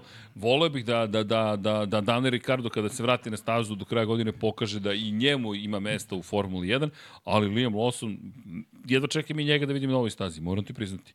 Jer ne, ovo ja će biti sam- ozbiljan test. Ne znam, o, o, ove prve dve trke zaista sam oduševljen. Ja, Uz, kažem uz, ti, uz, dodatak, uz dodatak da baš nisam sumnjao.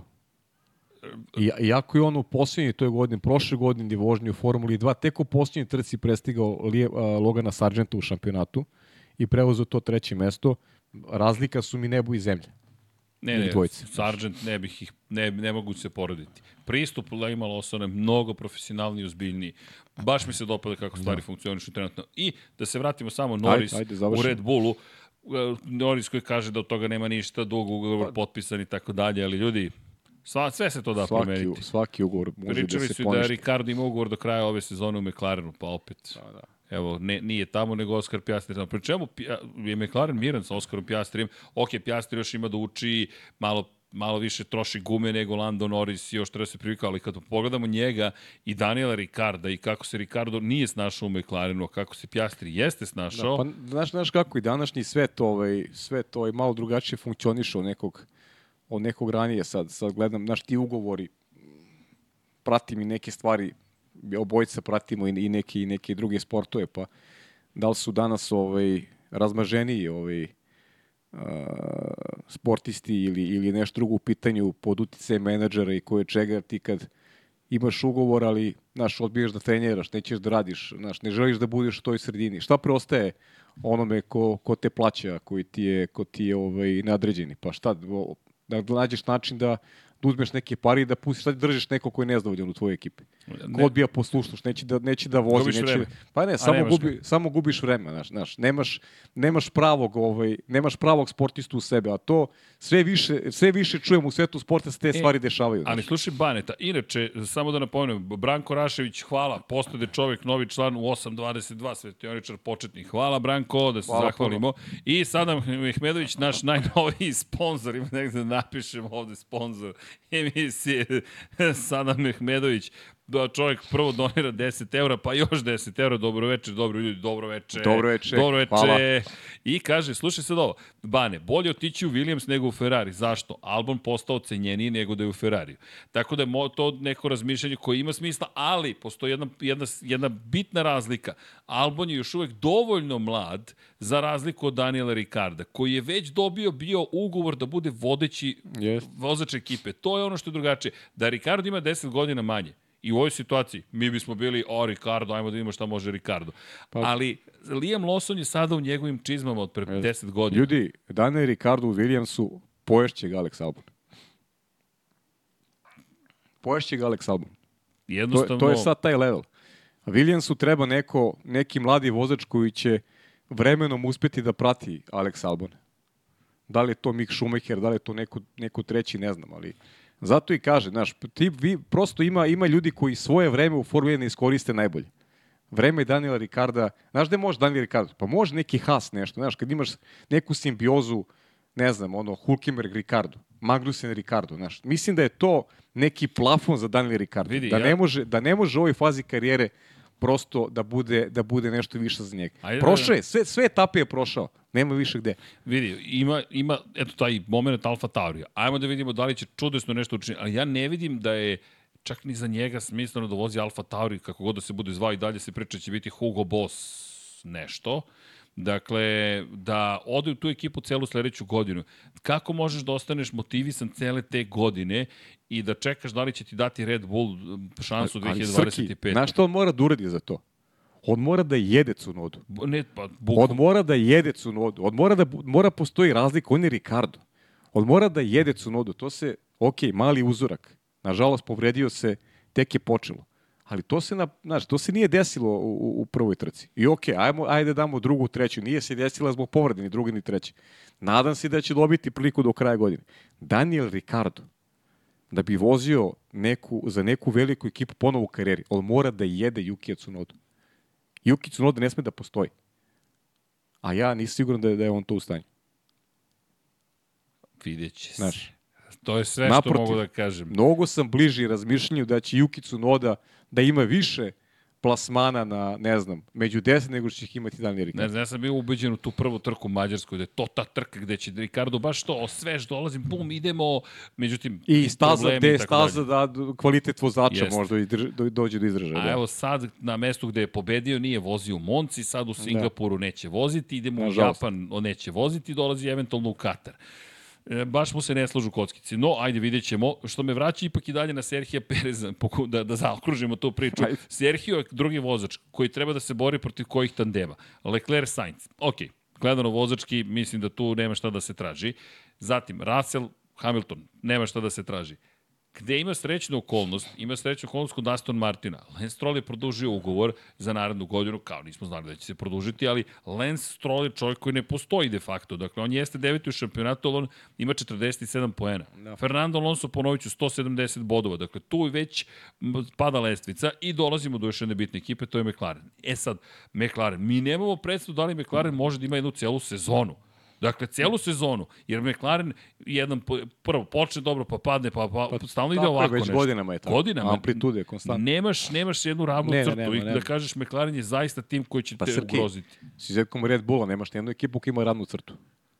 Pa nema, hajmo da vidimo Nema. ko bi mogao da Pa bude nema najbliži tome. Nema Ne. niko ravnu crtu. Aston Martin imao na početku, to je Fernando Alonso imao, ne Aston Fernando Martin. Alonso, da. E, tu je najveći problem. Pogledaj koji gubitak ima Aston Martin time što Lance Stroll je na početku godine bio i povređen i što je Lance Stroll uopšte u toj to ekipi. pričamo konstantno. znaš, Vidi, to je- taj početak sezone, oni bi sad i dalje bili na poziciji broj 2 u šampionatu. Oni su sada četvrti. Ne, ne razumem naš te priče i pišu mnogi kao porediti ga sa Alonsom. Ok, nećemo ga poredimo sa Alonsom. Hajde da ga poredimo sa vozačima iz ekipa koje su mnogo slabije. Ne možemo Ajmo da, da, ne poredimo sa Landom i sa Pjastrijem. Gde je bio McLaren s početka godine? Ne, ne, ne, ne, ne, ne, ne, ne, mi, mi ga ne poredimo. U, u podrumu. Mislim u podrumu da nije, su bili. ne, ne, ne, ne, ne, nije to, nije to dobro postavljeno. To je loša postavka. Ne poredimo ga mi sa Fernandom Alonsom. Mi ga poredimo sa klopskim kolegom. Dakle, Pa u dobro. istom bolidu. Ne, ne, ne, ajmo to je- ovako. To je, to je Alonso u krajnjem slučaju ove, ove godine. Teško ga je naći, ali ajmo ovako. Ja, ja mislim da postoji bolji vozač od Lensa Strolla d- koji bi mogao da bude doveden u ovu ekipu. Pa to je suština. To, To je sve što ne, mi ne, govorimo. Ne da, ne da postoji, ne da će nego... biti drugi Fernando Alonso, ali ajmo ovako. Ako Alonso ima 170, jel možemo da tražimo da ima 85 poena? A- To je ajmo ovako polovina da poena Fernanda stvari. Alonso. Da li je Aston Martin ove godine druga ekipa u šampionatu? Pa trenutno nije. Ne, ne, da li je, da li je po Za mene jeste. Jeste. Jeste. Koja ekipa ima najviše podijuma posle Red Bulla? Aston Martin. Aston Martin.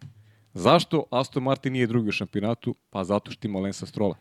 I vrlo, vrlo je prosto. Gde je Aston Martin u plasmanu? Na četvrtoj poziciji. Što me... Ako, ako McLaren nastavi sa nekim, na, ako McLaren bude na nivou onoga što su pružali u one dve trke kada su išli na podijum, oni će da prestignu Aston Martin do kraja. Dobro, bit će napeto, ali... Pa znaš zašto? Za, nedostajeći im trk. Pa zato što Pjastri može da prati Landa Norris. Mm. On možda isporučuje to što je Lando Norris. ali mislim da će im to samo suština. ponestati trka do kraja Pa sezone. dobro, okej, aj sad, znaš, možda malo preterujem, nebitno je, preterujem. Znaš, preterujem, Ok, Preterujem- adekvatna hiperbola da, ipak. preterujem, ali, ali stavljam do znanja koliko je Lance Stroll, koliko je Lance Stroll poguban za Evo, ekipu. Pajo, ajmo, po, da, da, da pokušam kroz matematiku. Evo, krenuo sam sa njom. 47 poena, je li tako? 4-7 poena. Ajmo da ima 85 poena. Dakle, polovinu onoga što ima Fernando Alonso. Je to u redu? Dakle, da ne tražim da ima 170, da ne tražim da ima isto što Alonso, da ima polovinu od toga. On sa polovinom poena Fernanda Alonso je ispred Landa Norisa. On je na osmoj poziciji u šampionatu sveta. Sa tih dodatnih 38 poena, Aston Martin je koliko? 207, na 245 poena. Tako je. 245, ti si ispred Ferrarija. Tako je. Okej, nije Tako tako, je. loše. A ne da je, mislim, znaš, Dakle, ajde da budeš, i- ako već ne možeš da budeš drugi, Tako je, ajde, aj, budi budeš bar, osmi. evo. budeš par treći. Eto, a da, u Fe, Ferrari, konstruktora. Ferrari sa četiri podijuma ove godine. Imaju duplo manje od Alonsa. Alonso, čovjek Ili ima, koliko beše? Sedam puta je Sedam. stajao na pobjedičkom postu. Nije duplo. Sedam. Dodao sam mu Pa jedan. evo sad će u Singapuru. Sedam. A gde si ti sve vreme? Nemate. Timski kolega ima sedam podijuma, gde si ti sve vreme? Nemate... I da, i ne znamo sada, evo, dolazi sad trka. Ovo će biti veliki test, ne za njega. Ovo je prilika... Evo, Lance Stroll. Hoće li ući u Q3 deo kvalifikacija? Hoće li ući u Q3? U Q2 mora da uđe, nema sada eksperimenta. Inače, C3, C4, C5 su gume, dakle, to su najmekše gume koje Pirelli ima na raspolaganju i iz perspektive Ferrarija, pre svega, mislim da je to ekstremno pozitivno, pošto im više to odgovaraju. Inače, izmene na stazi u Singapuru treba da pomognu sa kočnicama, to je sa hlađenjem kočnica i sa gumama. Tako da ove godine će malo manja potrošna guma biti. Inače, Vlado, kad smo već tu, sad mi pada na pamet, možemo strategiju iz prethodne godine čisto podsjećanje radi, nije nam baš adekvatno. Zašto? Zato što pogledajte, zeleni se tamo s leve strane, ne zato što su ljubitelji trave, već zato što je padala kiša. Ne zbog ekologije. Neko, ne, zbog tvoje majice. Svi navijaju moje za Aston. Martin, da, da, i za tebe. Za Lensa Stroll. Za Lensa Strola. Elem, šta je pojnta? Dakle, C3, C4, Za C5. Lensa Trola. za Paju tro... Ko troluje strola? Trol, Paja, trol za strol. ok, e, odlazimo predaleko. Elem, prošle godine kiša padala, dugo nije mogla staza da se prosuši, očekivali smo malo drugačiju trku, ali ljudi, staza, nije, sta, što je ironija, staza se sušila po, pokraj idealne putanje, ono je bilo bizarno prošle godine, ali u svakom slučaju, koliko padne kiša, da, nešto slično ćemo ponovo dobiti, prošle godine je bilo samo jedno, samo smo jedno imali zamenu pneumatika, dakle i to treba uzeti u obzir. Tako Kada govorimo o strategiji, uz smanjenje potrošnje guma, pretpostavljamo da će imati jedno stanje, što nas opet vraća na kvalifikacije, što me dovodi do Lensa Strolla. Ako Lance Stroll, dakle, ne uđe u Q3, to je već ozbiljan problem za Aston Martin. A to me negde dovodi i na pitanje Piastri ili na Norris. Ako kažemo da mogu da, jel te, drže se zajedno, to su već dva vozača u Q3 delu kvalifikacije. Oba Ferrarija, oba Mercedesa, oba Red Bulla, evo nas već na osam, jedan Aston Martin i sad ne znamo ko će tu da bude još Alex deseti. Albon. E sad, Alex Albon, koji je izjavio u narednim trkama Williams nema šta da traži na stazi. Ja njemu ništa ne verujem. Tako je rekao Mađarskoj, pomalo nije osvojio poene na stazi gde Dobro, Petra funkcioniš. logično razmišlja, zaista, znaš, oni su na pravcima, na pravcima su najbolji i najbrži, tako da, znaš, čak i Sargent povremeno, ovaj, e, to, znaš, e, to je ono što, čak i Sargent, za, za, čak i Sargent, ovaj, povremeno, znaš, iskoristi potencijal koji ima Williams. Pa ti vidiš na pravcima da je on ima tu brzinu negde koju u skladu s Albonom, pa, pa dođe do Q2, mislim da je imao i u Q3 je čak imao jednom, je tako Logan? Pa, pa negde skrene pažnju na sebe nekim rezu da ok, on nema, nije pouzdan i naš zabrlja napravi nešto dobro, odmah napravi, su- sutradan je već grešku u najavi i tako dalje. Ali iznenadite nečim pozitivnim. Ovaj momak ovaj, od, o, u ovoj Alonsovoj eri u Aston Martinu ti ne vidiš ništa pozitivno. Ti samo vidiš ovaj, vidiš manjkavosti u, u celoj priči. I, I to je nešto što, što ne priliči timu koji preferira da, da jednog dana bude najbolji. Oni stalno imaju te neke ambicije najveće, a ti, znaš, ideš ono, tatin sin je tu, mislim. Ok što je tatin sin, svi smo, ja to stvarno govorim. Svi smo mi tatini sinovi, ali, Ali vidi, Pajo, ali ako, ne, ako nisi dorastao nečemu, pa mislim, to je, to je onda protiv, protiv tog sistema u, u kojem ti radiš. ali ajde da ostavimo Strola za sada po strani na sekund. Ko menja Fernanda Alonso kad on ide u penziju? Pajo, ko je taj koji preuzima dirigentsku palicu? Jer tamo, ako Stroll ostane kao vodeći vozač, oni piši propalo. I koliko god da pokušam da budem nežniji, jednostavno to ne može ta ekipa. Ko hoće da bude vođa te ekipe? Jer Fernando Alonso godine se nižu koliko god da on brz pa, i želi. Stvarno, ti, stvarno ne znam, eto, viš, nisam razmišljao o tome, znaš. Ko vodi Aston Martin kasnije? Pa ne znam, to možda bude neko dog, neko od ovih vozača Ferrarija možda bude, znaš. Znaš da me vraća? Vraća me na... A, evo, ajmo, Carlos Sainz, Charles Leclerc, oni su vrlo... Da, mislim, Dobar kažem izbor. Zavisi šta, zavisi kako Ferrari gleda u, pre, znaš, u tu neku svoju budućnost, šta oni tu vide, ali ali do, do, dve, do 2026. sva- stvarno ne verujem da će, da će i Leclerc i Sainz ostati u Ferrari. Evo ti još jedna stvar. Malo pre smo pričali o čoveku koji je trebalo da bude vodeći čovek u ekipi. Da li bi Daniel Ricardo mogao dobije tu ponudu? Auf, Teška ne, priča. teška priča. Ali po- pozicija bi mogla da bude zaista moćna. Znaš do, do koga me dovodi? Do Aleksa Albona. Što To- Albona to ne bi nije- doveo i postavio nemoguće. kao čoveka iza koga stojiš? Da, to nije nemoguće. imaš novac, imaš renome, imaš projekat, Nije nemoguće. samo, samo razmišljam naglas. Dobro, Ima i- tu još mnogo, i, i, ali... do, I dobar sistem u najavi imaš. Ti sa Hondom si na, napravio nešto što, Tako je. što je onako primamljivo za sve vozače koji sutra ovaj, budu težali nekim, nekim velikim ovaj, dostignući, potencijalno velikim dostignući. Do, dobar izazov svako. Tako je. Aston Martin je dobar izazov. Da ne zaboravimo, Nisam siguran da ćemo Fernanda gledati u 2026. jer vidi, ajmo, 2024. je tu, potpisanje, vozit će sledeće godine. Da. Ok, 2025. i onda dolaze potpuno nova pravila. 2025. je možda idealna godina za neko privikavanje ovaj, vozača koji bi trebao da bude vođa projekta Aston Martina. Tako ja makar, makar gledam stvari. E sad, kažem ti, sve zavisi od Pazi, ovog starca u, u Aston Martinu. Nando je napunio 42. Na- na njega- na njega Izgleda mislim, da. kao da ima 21. 43 sledeće godine. 44 2025. Znaš, Starac, razumemo... starac koga i dalje more ne privlači. Nego, ne nego prima- trke. trke. To je, I trka se čovjek. I, u, i pola, pola Hemingway. ona, bo, Tu je bo, ona starac, bolja strana. starac bez mora. U svakom slučaju, ostaje to jedno veliko pitanje. E Pa da, da. inače, priča se da je Guan Yu Zhou pred potpisivanjem ugovora za Alfa Romeo, produženje ugovora. To je neka najnovija informacija, Autosport je to preneo i kažu da je jednostavno prioritet njemu da ostane u Alfa Romeo, Me- ali navodno, eto, meni je, priča meni, da bi je trebalo da to, ostane. meni je to malo čudno, moram ti priznati. Šta ćemo s Teom Puršerom? Ne znam, Šta ali... ako Teo uzme titulu? A znaš ko je još u priči, pored Teja Puršera? Filipe Drugović. Kažu da je dobio podršku sponzora i da žele da ga vide zapravo u nekoj ekipi u kojoj može da vozi.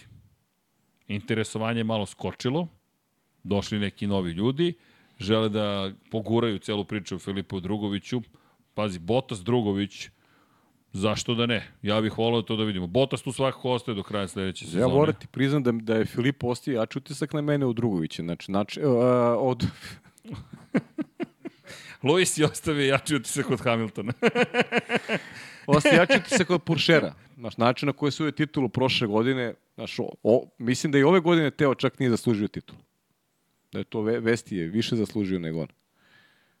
Tako da, znaš, nemam pojma šta će biti sa Teom, ali ono što, znaš, ima, mlađi je Teo i ima talenta i, i sigurno će Francuzi izgurati, ali znam, baš, Pazi. baš me zanima šta će biti. Joe, navodno, je rekao da i on ima lične sponzore koji će podržati njegov projekat ostanka u Formuli 1. Sve se svodi na sponzore. Navodno, državni sponzori više nisu uz njega, iako je on prvi kineski vozač koji vozi cijelu punu sezonu. Navodno, nema tu podršku. Odgovor je njegov da on ima lične sponzore i nije čuo nikakve glasine o tome da neće voziti naredne godine. Tako da, njegov osjećaj je da nema, ne, poma, ne manjka ničega sa te strane. Vidjet To je samo njegov osjećaj. Da, i moram ti priznati da, da iz perspektive onog što smo čuli do sada videli, ova vest, pošto je autosport izvor, mi djeluje ozbiljnije, Ne, ne, dobro, ali ne bih autosport je- nikada pomislio da će Joe zaista ostati naredne godine. Moram ti priznati da mi sam stekao utisak da će se bukvalno otvarati put za nekoga. Isto, isto, isto. Trenutno mi... Ja, ja i dalje verujem da će se otvarati put za nekog. I verovao sam da je to Teo Puršer. jedina zapravo dva mesta u za, imamo četiri zvanično otvorena mesta. Dakle imamo pored u Williamsu pored Albona, O, oba Alfa Taurija oba Alfa Taurija i, i, i- Alfa i Romeo. Alfa Romeo jedan, to je da. to. S tim što, negde Yuki Tsunoda, verujemo da će dobiti. Da li Yuki... Mislim da će ipak Yuki ostati u celoj priči. i meni se čini. Jer nekako... Da će vas i sledeću godinu da vozi Pa u, u da, dvojci. i Vasa u par navrata kao da je propustio priliku da se bolje namesti. Pa sad završnica godine, evo, sad je imao rezultat vrhunski i, i na račun dobre strategije, ali generalno ovako u posljednjoj fazi Formule 2 nije baš bio onako ideal. Ali opet, čini mi se da, da je i bio bolji, ne verujem da bi to nešto menjalo. Jer kad pogledaš, Juki imao korektnu godinu. U, u očinom Alfa Tauriju, Juki, Juki je bio korektan. I to je dovoljno.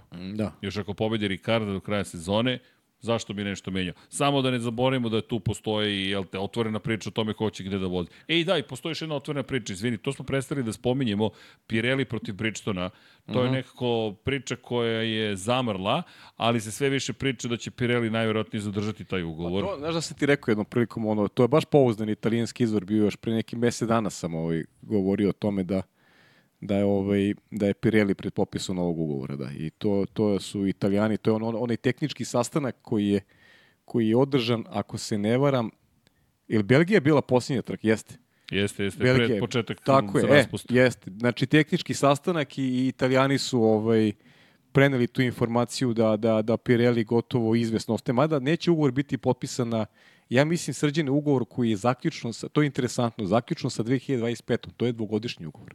E, Pirelli navodno će posle ovoga gledati da napusti sport, ali ono što je poslednja informacija od 2025. do 2028. da žele da potpišu ugovor. Je tako? Da, da to žele da budu godine u kojima oni razvijaju gume, jer no- nove gume treba sada razvijeti za nove bolide od 2026.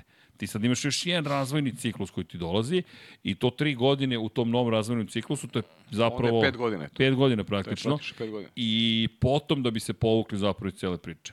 Gdje bi možda Bridgestone onda bio taj koji će snabdevati Formula 1. Ali čekamo da vidimo, da, da čujemo da li to zva, da se potpiše, navodno to je pred potpisom i tender pretpostavljamo samim tim da je negde završen, samo još formalizacija toga da se očekuje. Pa dobro, to je to. Mislim, to ti sad i ona priča kad niko nije hteo, Pirelli je bio tu. Pirelli je bio tu i, i ti u suštini šta možeš da... Pirelli može samo sebi da zameri što je imao dodatne troškove što je radio ove plave gume. Da, ali mi, i- pa to, to, da, plave gume. Za kišu.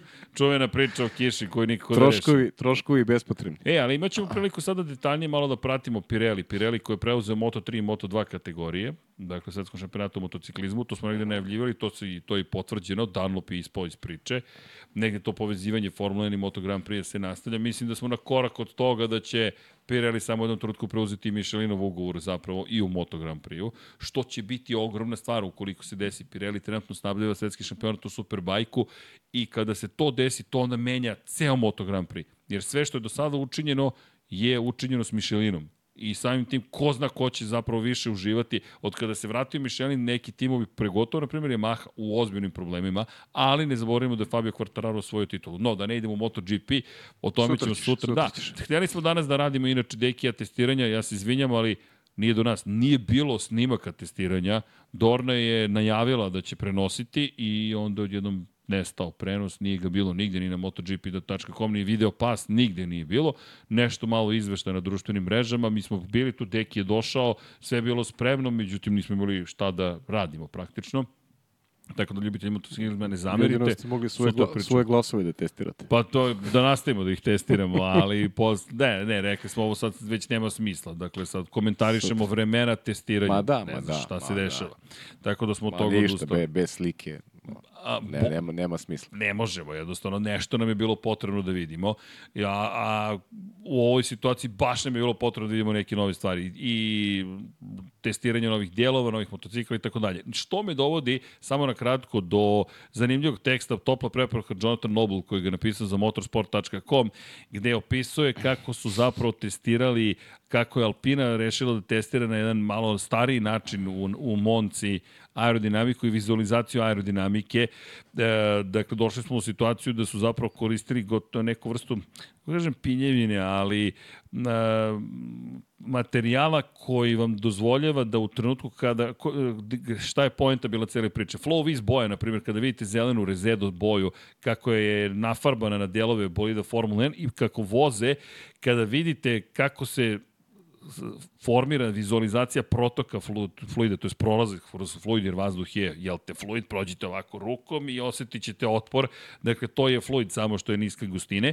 I dolazimo u situaciju da vizualizacija se zapravo desi zahvaljujući tome kako se rasteže boja. E sad, kroz korišćenje malo starijeg sistema, e, šta je mana sa bojama? Što vi dobijete konačno stanje toga, ali ne dobijete u datom trenutku kako se ponaša aerodinamika. I Alpina se vratila korak unazad time što će sada analizirati video snimke da vidi zapravo kako koji deo koji su testirali funkcioniše u datom trenutku pri datoj brzini na datom delu staze. Dakle, eto, zanimljivo samo, možda samo meni. Ali me to dovodi do Alpine koja prošle godine, ili da li je to bio samo Fernando Alonso, je bila zaista brza u Singapuru. Pa, mislim da je Fernando Alonso. Ali da li im dajemo neke šanse? Znaš, baš je velika... Mislim da će biti mnogo bolji nego u Monci. Znaš šta. Al- Alpina je jedna od ekipa za koje teško je, teško je prognozirati ovaj, to su ti te ekipe koje imaju amplitude, onako poveće amplitude tokom cele godine, a, a nemaju tu vrstu stabilnosti da kažemo da možemo sa sigurnošću da ih svrstamo u neke, u neke ovaj, da kažem, favorite i senke. I kad pogledaš dva podijuma ove godine, to je fantastičan rezultat.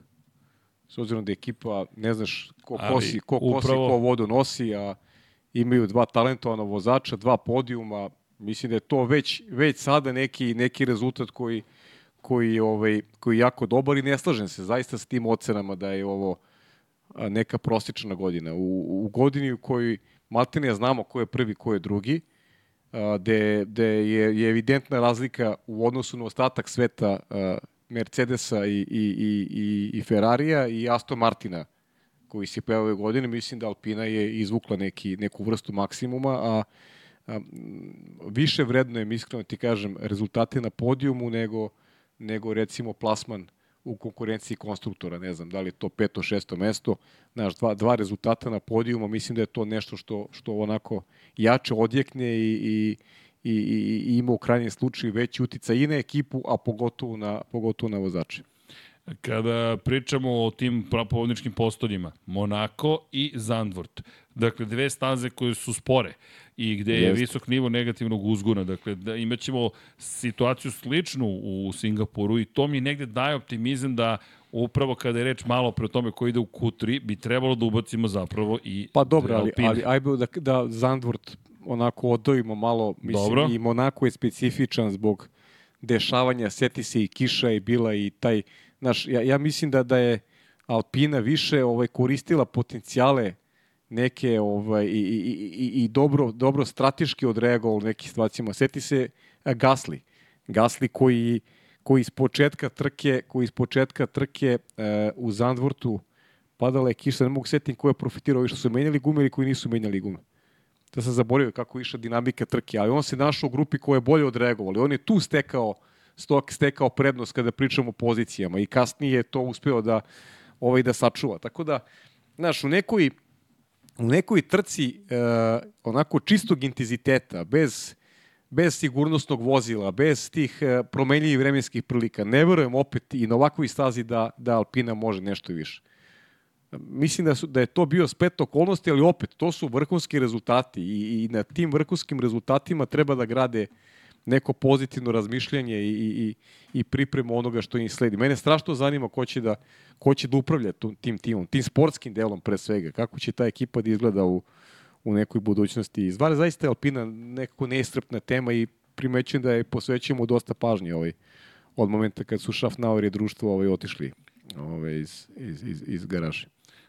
Od kada je zapravo sve se promenilo, da, kao što si rekao, ne znamo Od zapravo... kad, su, kad je nova investicija praktično ušla u, u tim, da. No, dobro, ali ovo će biti opet test. Mene baš zanima Biće, da da, vidimo upravo jest. to. Pa da li je da li je situacija upravo kako si opisao ili možemo da očekujemo Da izdanje gasli, da, da okolni gasli ovaj, nešto, nešto izvuku iz, iz cele priče. Mislim, dobri su vozači, to, to nema dileme, tako da... Ovo je baš veliki test. I obratite Jeste. pažnju na zadnja krila. Dakle, očekujemo krila koje su se koristili da li u Mađarskoj, da li u Monaku, koja treba zapravo upravo da iskoriste činjenicu da smo na snazi koja, koja je neophodno generisati mnogo više negativnog uzgona. Staza koja ima mnogo sporih krivina, zahtevna je. Malo, malo kasnije, kod Deki nije tu, mogu bih i da prevezem. Vlado, jesi raspoložen za krugo 2-3? Jok ti si, ali sad posvedoči da nisam testirao. Tišina, kakav je neverovatno. A, sad kad nema, sad kad nema dekija, ovaj, Da, pa bar će biti najbrži. najbrži u kraju. Znaš, ba, Ko naj, vozi, samo ja. najbrži u sobi. Da, tako da, je, da. tako je. Dobro, ali čekamo Alpinu. Znaš, meni je ovo zanimljiva trka iz te perspektive. Nekako... Jeste, ima, ima poten... pa dobro, oni imaju potencijala da Imaju. urade nešto više. Znaš. Pa zato jeste ceo vikend e, zanimljiv. Što, znaš, od mnogo ekipa očekujemo, očekujemo više. Tačnije, gledamo u pravcu u, približavanja Red Bull. To je to. Gledam, u samom vrhu da li neko može da ugrozi Red Bull, s druge strane, ajde Alpinu bih stavio u drugu Pa grupu. dobro, drugo, pa znaš kako, ali, ali opet može njima da se otvori, ovaj, kao što se otvaralo u Monaku i, i, i Zandvortu. Ne, ja sam ubeđen da McLaren će biti brz. Ubeđen sam da će biti Aston Martin u, za, u, u kojem je Fernando Alonso brz. To su dve ekipe. Ferrari, nemam pojma šta da očekujem od Ferrari. Iskreno, Ferrari će mi uvek biti zbunjujuć, ali mm, mislim da ovo teža trka za Ferrari.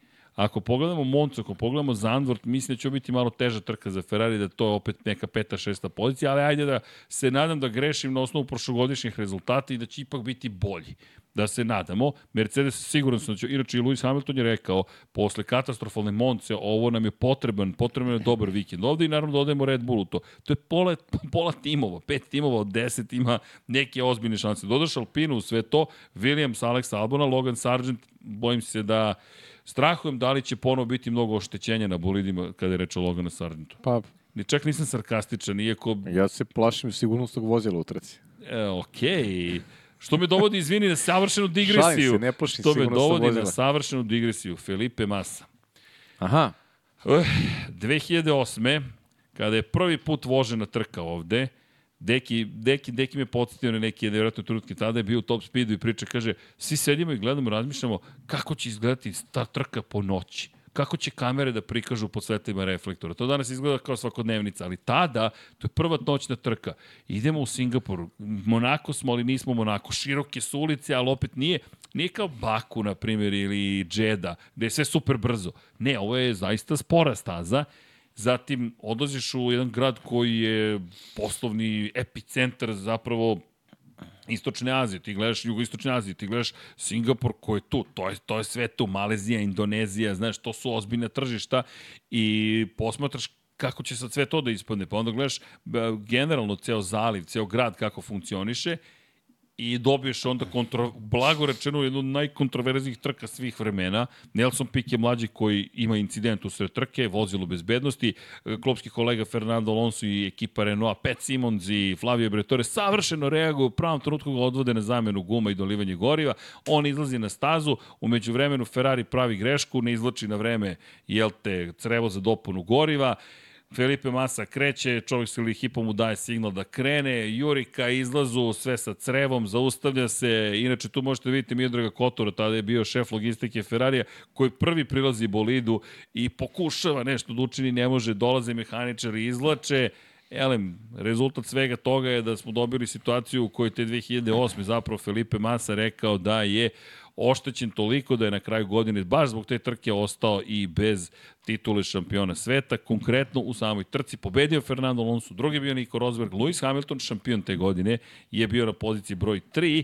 Kada je reč o samom Felipeu Masi, 13. pozicija na kraju bez bodova je ostao i tih 6 poena, a imao je poen prednosti na kraju, na kraju te sezone. Lewis Hamilton, smatra da su ga koštale titule, gde je poseban problem i zašto traži obeštećenje Felipe Masa, zato što su već te godine, ili na, ne, već te godine, su saznali zapravo da je sve to bila nameštaljka. Flavio Bretore, Pet Simons izvršili pritisak na Nelsona Pikea, mlađeg sina trostrukog šampiona sveta Nelsona Pikea, koji je u Brazilu te godine ispričao zapravo Berniju Ecclestonu, tada glavno komandujućem Formula 1, šta se desilo.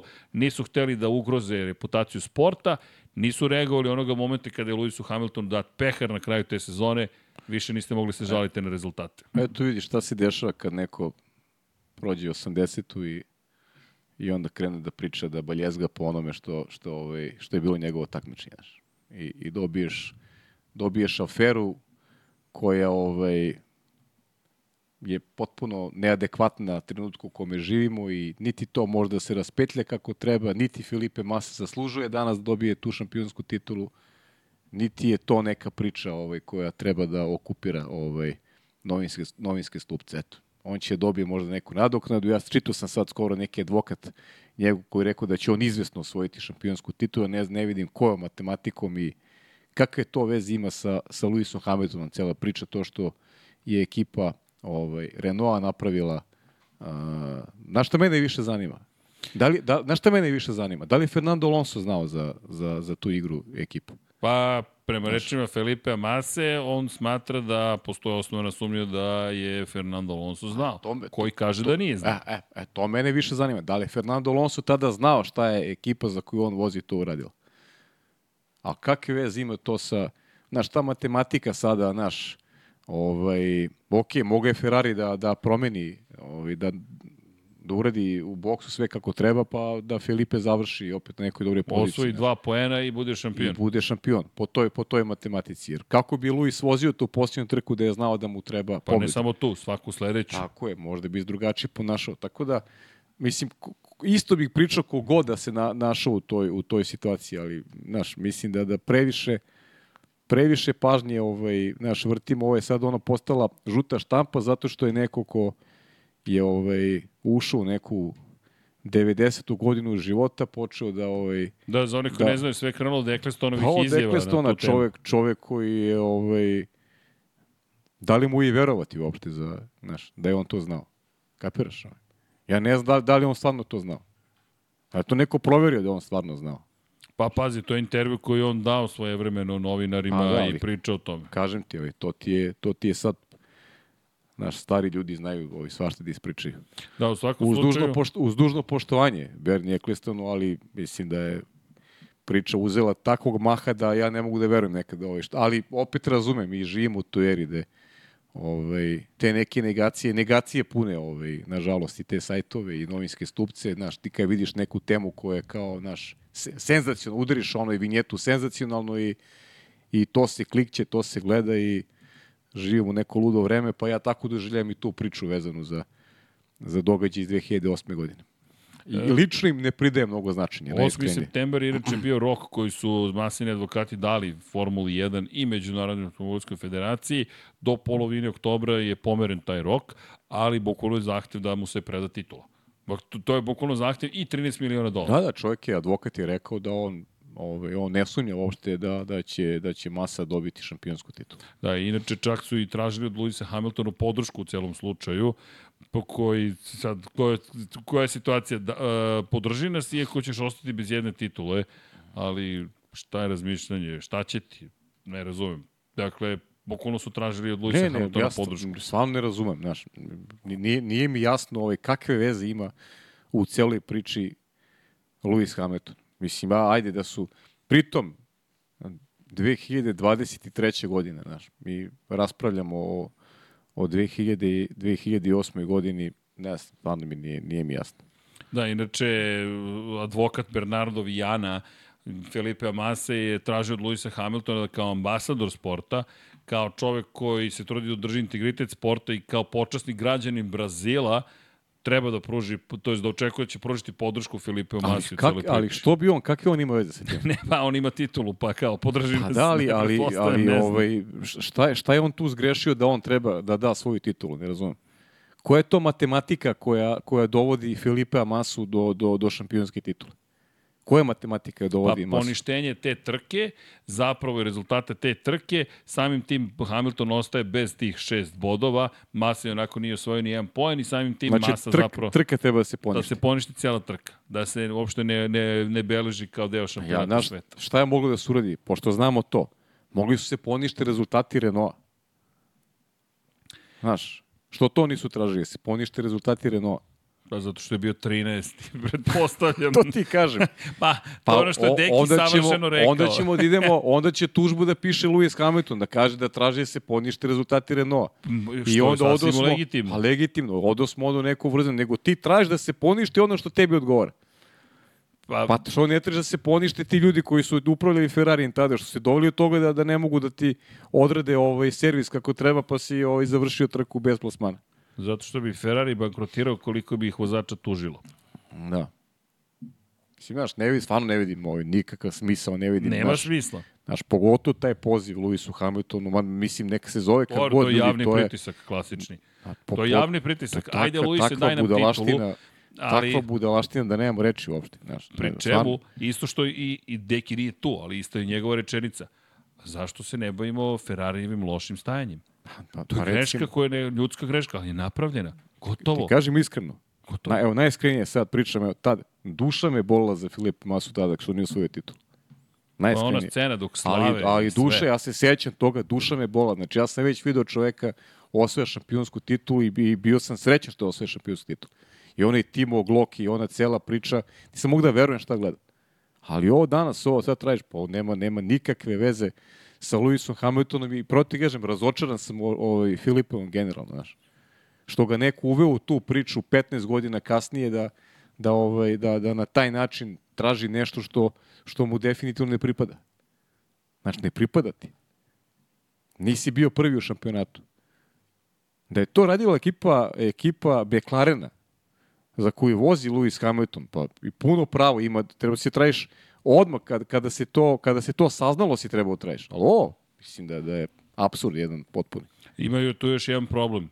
A ukoliko masa uspe, mi dobijemo presedan.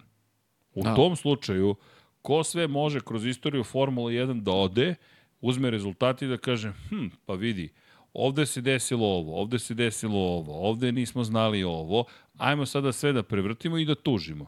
I da ja, da li će Damon Hill onda da ode i da kaže, ok, ja sad tužim, ne Ajde, znam, tužimo- Mihaela Schumachera, Da tužimo pokojnog Petera Collinsa što je dao Fangio bolid da, da osvoji šampionsku titulu. To je možda nama jedan akt uh, Sportski. sportski, Sportski. ali možda je zapravo nesportski akt prema rivalima. Prema rivalima. Možda to treba poništiti Ajmo po pokojnog Petera. Stirling Moss Pit- je samim Petera- tim šampion. Tako je, Petera Collinsa pokojnog da tužimo što je dao Fangio. I Fangio ima i četiri titule, Sterling Moss jedan. Ima jedan. I ko zna koliko tako još stvari taki, možeš da pa uradiš. Koliko, mislim, znaš, to je- Presedan to je- koji- Ma, no, mislim, havarija, ono, ono, guraš prst u oko istoriji. De, i, I to tražiš, obraćaš se akteru koji nema veze sa tim. Ko je svoje Čekaj, vozio. bre, sram vas bilo. Mislim, ono, stvarno sram vas bilo. Kao neki, pozivaš se na neki kao sportski kao akt. Koji sportski akt? Čovjek osvojio titulu. I da mu je trebao bolji paspun u Brazilu, pa možda bi drugačije vozio. Možda bi, možda bi bio agresivniji prema toj trci da je njemu treba bolji rezultat za osvajanje šampionskih Pa da titula. li treba da ponište veliku nagradu Nemačke kada je pustio Masa Alonso, Alonso da ga pretekne? To je bilo tad protiv pravila. Recimo. Treba jača kazna da bude. Oni jesu kaznjeni, ali možda ne dovoljno. Mam, Srki, znam, kažem Srki ti, milion otvaraš, stvari. To, otvaraš Pandorinu kutiju. Pandorinu kutiju, do, to ne, ne može se, iz, nema, ne, nema Pa izvlačenja kažem ti, guraš prst u oko istoriji be, bez ikakve potrebe, bez ono, znaš, kao da se to odigralo juče, nego pre, pre 15 godina, sad hoću ja da budem, hoću da budem šampion, da uzem titul iz 2008. Mislim, ma ludilo, ne, ne, nemam, nemam reči, stvarno. Da, da, inače u njegovim redovima, no, uh, njegovi, njegov cijel pravni tim je ubeđen da će osvojiti Agresivno, titul. pet minuta slave dobili Da, da, i sad stvarno, znaš, ono, stalno se pojavljaju po medijima sa, sa tom pričom da da postaje onako degutantno i, i degutantno i čitati, stvarno. Mislim, to je, ne znam, luda priča. Kada već potpuno. spomenjamo Bernie Ecclestona, spomenju se ponovo i F1 konkurski sporazum kojim ne upravlja Bernie Eccleston, nego samo svoje vremeno je Bernie taj konkurski sporazum. Prema rečima Liberty Media, trenutne vlasnice Formula 1, znao da vodi na jedan dosta agresivan način pregovore. Inače, novi treba da stupi na snagu od 2026. Ali prvi razgovori su već otpočeti i Liberty Media je rekla da u nekoj drugoj atmosferi zapravo se odvijaju trenutno pregovori. Vidjet ćemo naravno šta će sve doneti. Kao i svi pregovori, ko zna šta, ko traži šta, ko želi, šta ne želi. Gre- Greg Maffei je čovek koji predvodi Liberty Mediju, Stefano Domenicali predvodi Formulu 1. Chase Carey, inače čovek koji je potpisao prethodni ugovor, sporazum na pet godina i već žele sada da, da u situaciji kada je Formula 1 na dobrom terenu, na, dobrom, na dobroj poziciji, da se svi zajedno dogovore šta će dalje. Inače, koliko god je dobra pozicija, rekli su i u Liberty i u Formula 1 da im je, pogotovo Liberty Media, da im je izazovno kroz ovu dominaciju Maxa Verstappena da nastave neke stvari da rade. Ali dobro, terminologija, Da. klasična, moderna, je, to je, nije problem, to je izazov. It's Da. challenging, ali jeste izazovno, ali mi dalje vidimo lepotu u I dama je, 1. pan, Ali- Srki, To je ljubav. mislim, to je, to je, to je, zauvek, to je večna ljubav. Bukvalno, to je bukvalno već. I možemo da, ne znam, ono, da, da patimo za nečim ili da, ili da tražimo da stvari budu drugačije, ali tu se ništa ne menja u nekoj percepciji gledanja odnosa, emocija, čega god kad je u pitanju Formula 1, niti će se ikada promeniti. ali lepo je što onako možemo da, da diskutujemo na, na tu temu. I kada spomenjemo već šefove Formule 1, samo da napomenemo da je prema najnovim informacijama motorsporta, koji je to prvi saznao, navodno cilj za 2025. godinu da se ponovo promeni određena hajde da kažemo, mm, postavka aerodinamike. Ne znam kako bih rekao da se ne promene toliko pravila, ali promenit će ih gotovo neminovno, s obzirom na činjenicu da trenutno smo došli do toga da zapravo se bolidi ne ponašaju onako kako je planirano, a to je zapravo da je lako preticati.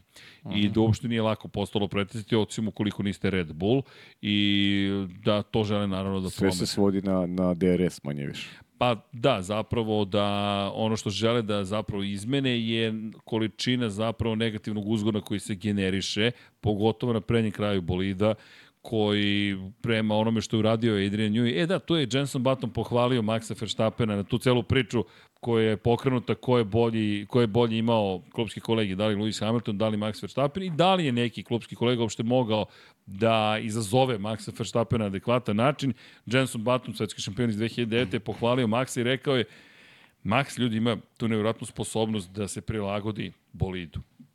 Njemu je Adrian Newey, ka, mnogo se priča o tome da Adrian Newey oblikuje bolid oko Maxa Verstappena. I da, određeni smer ide ka tome šta više odgovara Verstappenu, ali mnogo više Newey razvija bolid koji će biti brz u skladu sa postojećim pravilnikom. I prema rečima Jensona Batona, koji je veoma i iskusan i ozbiljan znalac, inače čovjek koji ove godine oduševljavao na 24 časa Lemana, to je druga priča, rekao je, to ono što je pojenta, Adrian Newey će napraviti bolid i reći će Maxu, da, mogu da ti napravim upravljiviji bolid, ali će biti sporiji. Izvoli ovaj bolid. I Max koji kaže, aha, ako uradim ovo i prilagodim svoj stil vožnje onome što mi je dato, biću, imaću najbolju moguću situaciju da pobeđujem. Što jeste veliki kvalitet i ona priča iz Bakua, kada je bio na poziciji 2 pa krenuo da se igra sa podešavanjima bolida, nešto otkrio tokom te trke od onda nije poražen. Od onda nije poražen. Deset trka kasnije on i dalje uživa u nečemu što je otkrio i načinu na koji se prilagodio bolidu. Pa, da, to su, to su šampioni. Jesu, to su baš pravi šampioni. Lepo kad dobiješ i priznanje od, od takvih. Pogotovo Jenson Button, koji je inače pobedio Luisa Hamiltona. I rekao je, Button, rekao je da, Luis je imao neverovatne klubske kolege, svetske šampione. Ništa tu sporno, samo je hteo da kaže da kada je reč o tom poređenju između klubskih kolega, da bi on, zanimljiva bila izjava, više se brinuo da sedi protiv Maxa u istom bolidu nego protiv Luisa. Reči Jensona Batona. Pa, dobro, to ima, Ali Baton je pobedio ima, Luisa. ima nečeg ličnog možda. u- Možda, U tome, ne, ne znam. Ima šest titula manje, ali pobedio ga je u Da. istom McLarenu. Pa da, pobedio ga je, ali, ali nije uzeo titulu u McLarenu. Tako je, Uzeo je titulu gde bi uzeli i u drugi. znaš. Bronu. da, i- ima i To, toga. to su te, znaš, te priče o šampionima, ovaj, Baton tu, ovaj, nije baš u kategoriji onih ne može, ne može svako, ne može da, svako. Da, da. U ono vreme, ovaj, Bron Grand Prix mogu je svako, da Ali budemo dobro. iskreni. Ali dobro, me, za mene Okej, su, ne, ne, su vo, čak dobar bolje je njegove vozač. godine nije, u McLarenu nije nego u sporno, Bronu. Ne, ne, nije sporno, kvalitetna vozač i mislim, drago mi je lično što ima, što ima u sebi tu, tu titulu šampiona. I nekako kroz McLaren i ono što je Da. kasnije činio, baš da se kupio nekako Jenson Jeste, Button. jeste. Jeste. Pa ima trka koja se pamti definitivno Jensonovih, to, to nema dilema. Dobro. I Ja, čovjek- onu, ja onu Kanadu, to najviše pamtim. Da, 2011. To, to, to ne može da se zaboravi nikako. Jeste. To baš ne može da se zaboravi. Da, inače nismo jedinu jednu ekipu spomenuli još, a to je samo Haas, pa samo eto da Pa- konstatujemo. A oni su Haas, Haas. Pa da, Magnussen, Hulkenberg, završit će trke obojice verovatno i poslednji poeni u nedelju koji su osvojeni su bili u Majamiju. U Majamiju, to je 10 trka. davno beš. 9 trka zapravo, izvinjam se. I poslednji poeni koji su generalno osvojili, sprint, Sprint. u Austriji, Niko. kada je, da, Niko došao do šeste pozicije. I osvojit će ponovo pojene kad bude neki kuršus na stazi, kad bude bilo odustajanja. Da, baš Ovaj, puno problema. pa da.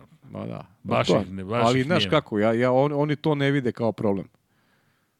Znaš, završavaju trke i očigledno da, znaš, ono, To je to. Ambicija je ispunjena. budžet je ovaj, tu kako treba, nema lomova, nema kvarova. E, pa to I, su i isto... ta, takav profil, takav profil vozača su i tražili ovaj, da, da, da, im, da im doveze, da dovezu bolide kući. I oni to rade. I, i kada, pa, kada pričaš o tome, to je jedna od rečenica koju su i dali iz Liberty Medije, a to je da je mnogo zdraviji odnos trenutno između Liberty Medije i timova, zato što je finansijska stabilnost postignuta. Srki, to je pa I logično. kolač raste svima. Pa logično. Pa zato su, pa, Zato su prijatelji. pa čime, pa čime Haas može da bude nezadovoljan, znaš. Pa ničim. Nigde te Jim nema. Haas je potpuno okej sad. Pri čemu nisu Pri, poslednji pritom u ne, ne, ne cvetujemo uružen u Naskaru, a ovde, ovde, ovde ima stabilnost i, super mu je. Kakav sam bio u tokom vikenda? Boris mi je javio da sam u zid. Na, na ivici si eliminacije. Jel jesam? Da, ima još jedna trka, još jedna trka i Mislim, Moram pobedim, a? mislim da mora se pobediti, da. Dobro. Rešit ćemo to. Martin i ja. Martin Da, mislim da junior. pobediti. Da, da, moj Nije- omiljeni vozač. Nije mnogo, ni, nije mnogo bolji Golan, Logano 11 je trenutno, dakle balansira Tu smo, tu. Balansira tu negde na ivici, nije baš najbolji, ali dobro. Inače, samo da napomenemo, Haas, koliko god pričaju o tome da je loš, je trenutno ispred Alfa Romeo. Dakle, osmi je ispred Alfa Tauri. Alfa Tauri 3 poena, pa jo, Alfa Tauri 3 poena za celu godinu. Misliš Juki Tsunoda ti poena? Juki Tsunoda 3 poena, 10 poena za Alfa Romeo i Haas ima 11. Pa to, Srki, pričali smo, to su te ekipe koje Haas. Znaš da će dobro da počnu sezonu, Alfa Romeo i da kako sezona odmiče, tako, ovaj, tako će biti sve manje prilika da se poentira. Da, ništa, ništa senzacionalno. E, kaže Ivan Vojsinović, dakle, Haas osvaja bodove u nedelju. Čim smo ih otpisali. Super, ja mislim, neka bude tako. Ja, me- meni su oni simpatični beskreno. I jedan i drugi vozač, pogotovo Hulka. Ja Hulka sam ono, želeo sam mu i veće domete u karijeri. Nažalost, bilo je tu svega. Imao je i maltene ono, postat ugovor sa Ferrarijem. Nije se desilo i ono što smo pričali o Monci. On uvek dobija, dobija podršku tifoza u Monci, jer znaju oni da je bio, sećaš se perioda, pa su izabrali Kimi Raikkonena, bukvalno je bio, Hulk bio pred promocijom, pa se onda desio Kimi. E da, evo, da odgovorim na pitanje samo ja. Pozdrav ljudi, dolazite u Zagreb na sajam knjiga, dolazimo.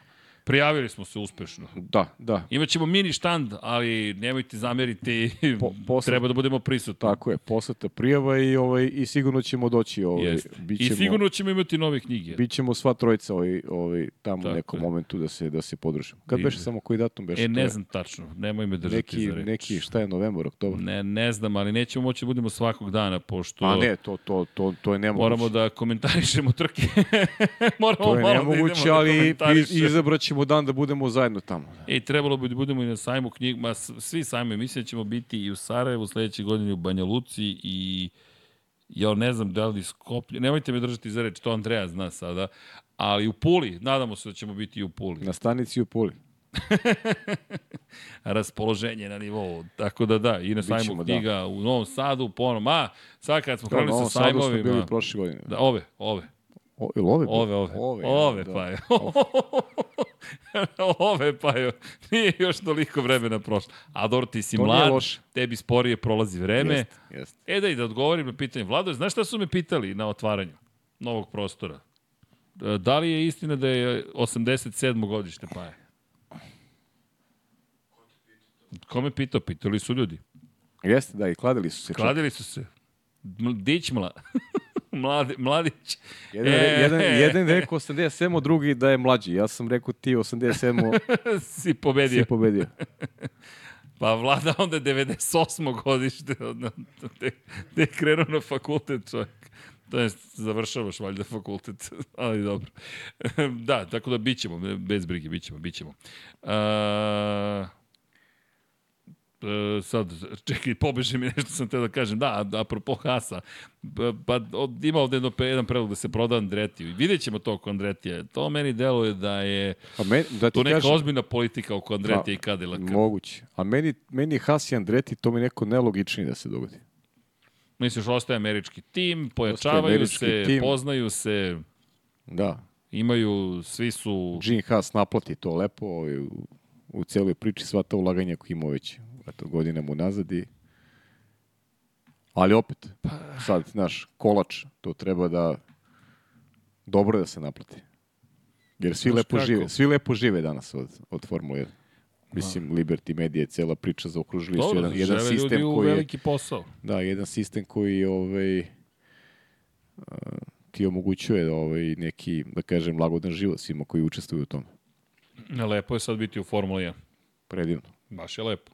Sjeti se, nije tako davno bilo kad smo, pa čak smo i počeli podcaste da radimo u periodu kada, kada, Pa nisu, radili smo kada ka, nisu kada nije ruže. bilo ni puno trka. Čekaj, 2020. COVID kad je bio. Pa da. Dakle, M smo, nismo imali trke, M smo znali ko će osvojiti titulu. To je baš bilo jednostavno. Jeste. Ali onda se desila 2021. godina.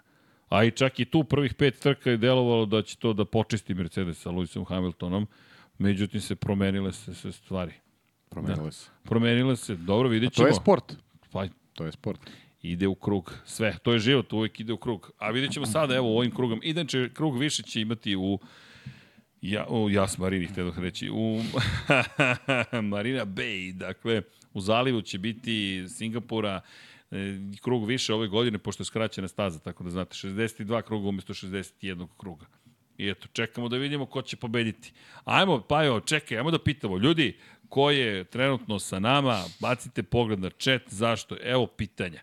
Pitanje ko pobeđuje. Ovog puta stvarno pitamo ko pobeđuje, zato što možda može da se desi da će neko drugi pobediti. Ajde. Ko će pobediti na trci u Singapuru 2023. u F1? Evo, sve sam pitao. Mhm. Dakle, Max,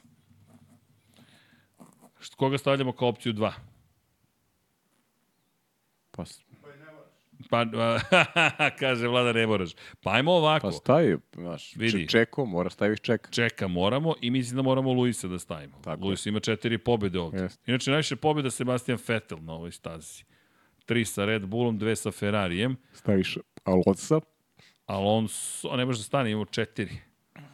Da. To je stavio Čeko, Perez, Sergio Perez, Max. Lewis Hamilton i neko četvrti. To, to je... Aha, neko četvrti. Pa ne mogu da...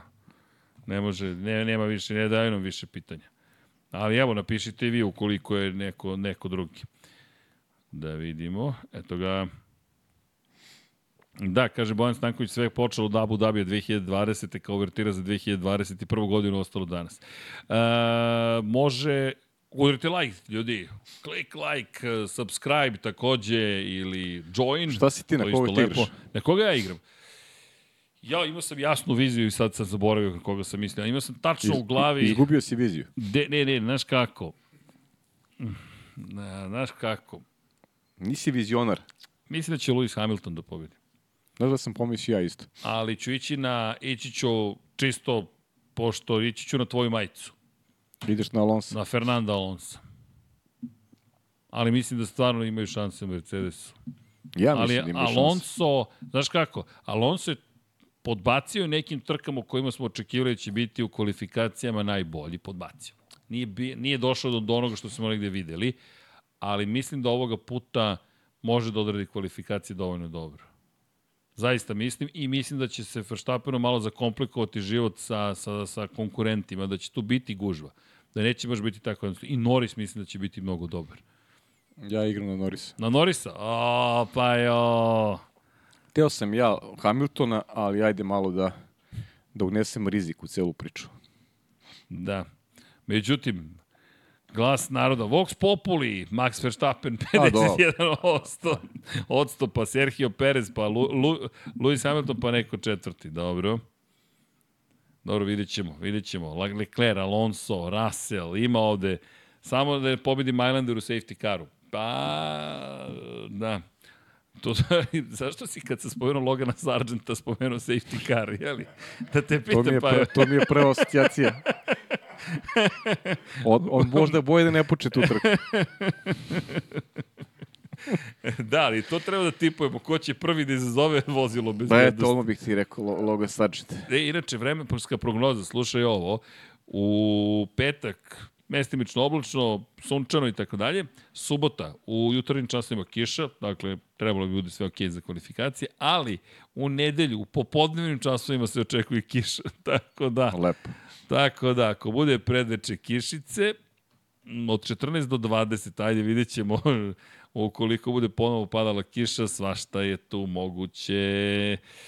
Dobro. da gledam te, pa...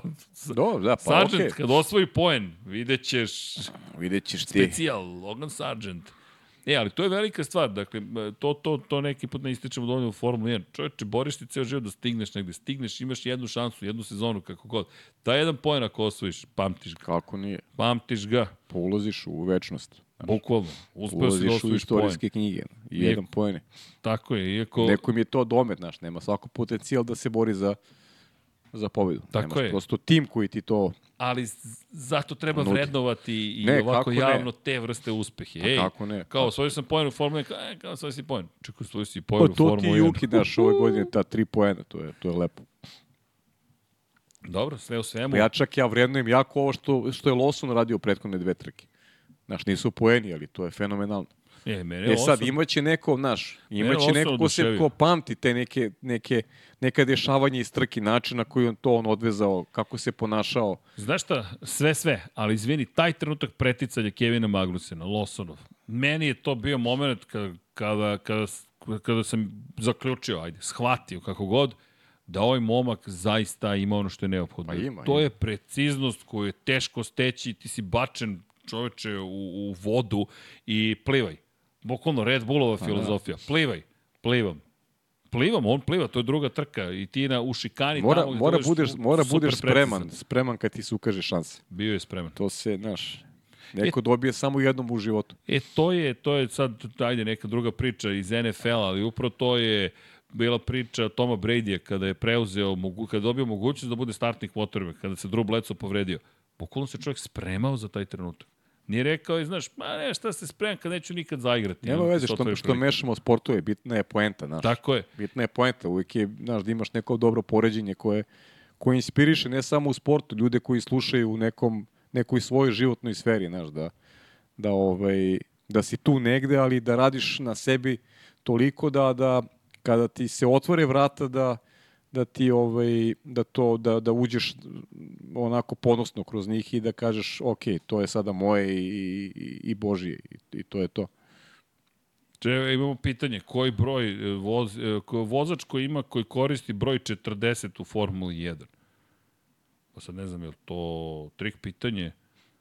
Kaže, uh, Ivan Vusinović, kaže, Srki koji voziš u Formuli jer je nosio brojana na bolidu, žena mi je naručila zidni sat sa bolidom Formula 1 sa brojem 40 za 40. rođendan. Pa ja koliko znam, samo je Lawson čet- nosio da, broj 40, 40, da. da. da. Pa Ne eto, setiti. Ivane, dobili ste Lijema Lawsona. To je ono što smo videli sada u Monci. Da. Dobro sam zapamtio. Ja mislim da jeste. Čekaj da vidim. Dobro si zapamtio. Da, da, 40 je Liam Lawson. Da. Eto, dobili ste Liam Lawsona za 40. rođendan. A, da, to je okej. Sasvim u redu. Za 44. bit ćeš Lewis Hamilton. Tako je.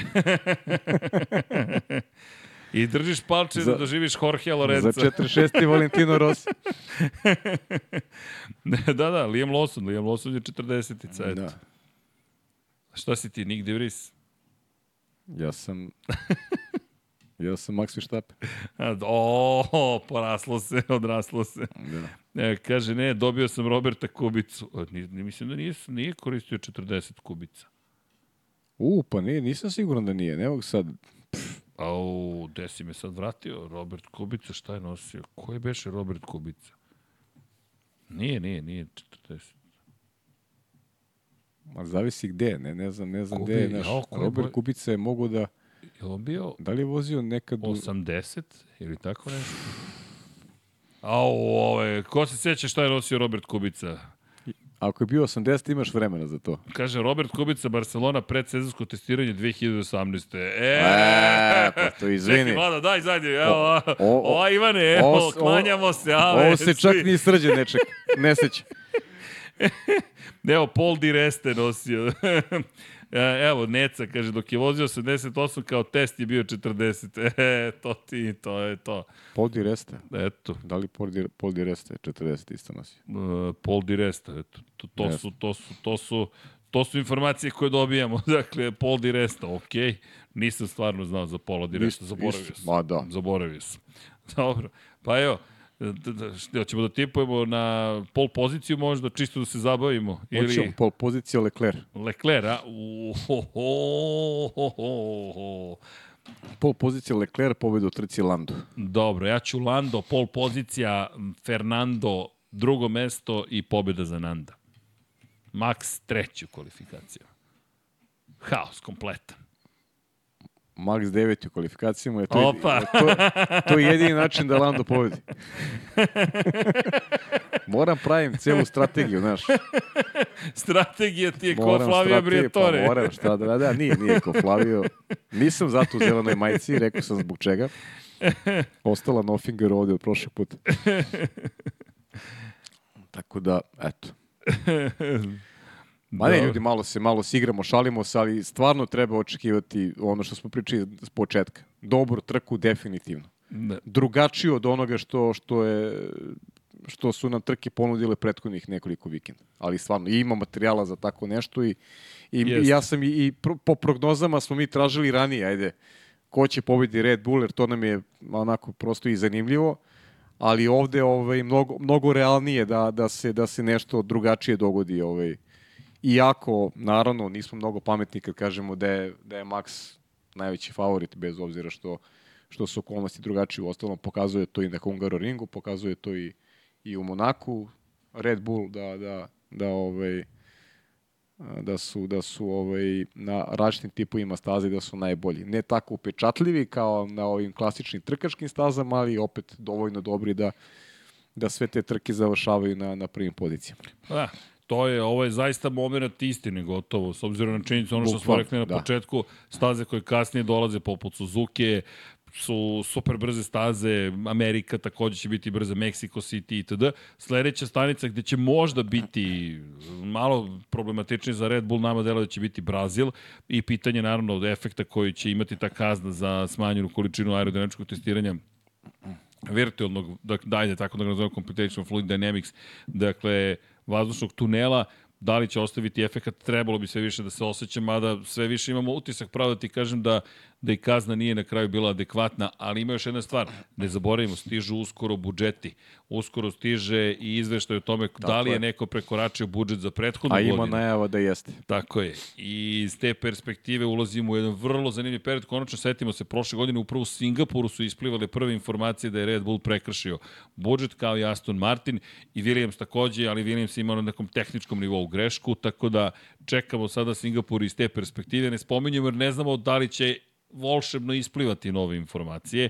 To nije zvanično saopštenje, ali u Singapuru je krenula cela drama oko Red Bulla i ima Za sledeći podcast ćemo vjerojatno postaviti pitanje kada Max osvaja titulu. Nismo hteli da još krenemo u tom smeru, Da. jer ova trka To, to daje će nadu... biti dobar najava za Japan. Za Japan, bukvalno cenim da će Honda uživati u tome, a tu postoji, kada je reč o Singapuru, baš velika šansa. Tehnička direktiva zabranjuje fleksibilnost prednjih krila, dakle savijenje, imamo situaciju gde to navodno bi moglo najviše da uspori Red Bull, međutim prošle godine kada smo imali onu čuvenu tehničku direktivu protiv poskakivanja, svi su nazadovali, samo je Red Bull napredovao, tako da to bilo potpuno kontraproduktivno, Mercedes je mnogo lobirao i nije dobio željeni rezultat, tako da ne bi bilo iznenađenje da Red Bull sada bude još bolji, ali hajde da kažemo u teoriji da se izjednače stvari, idemo na stazu koja je spora, kao što smo rekli, McLaren deluje da ima šanse Mercedes svakako, Aston Martin, Ferrari nam je malo nepoznanica, ali ajde da verujemo na, na slepo, da kažemo prošle godine bili drugi, treći u trci,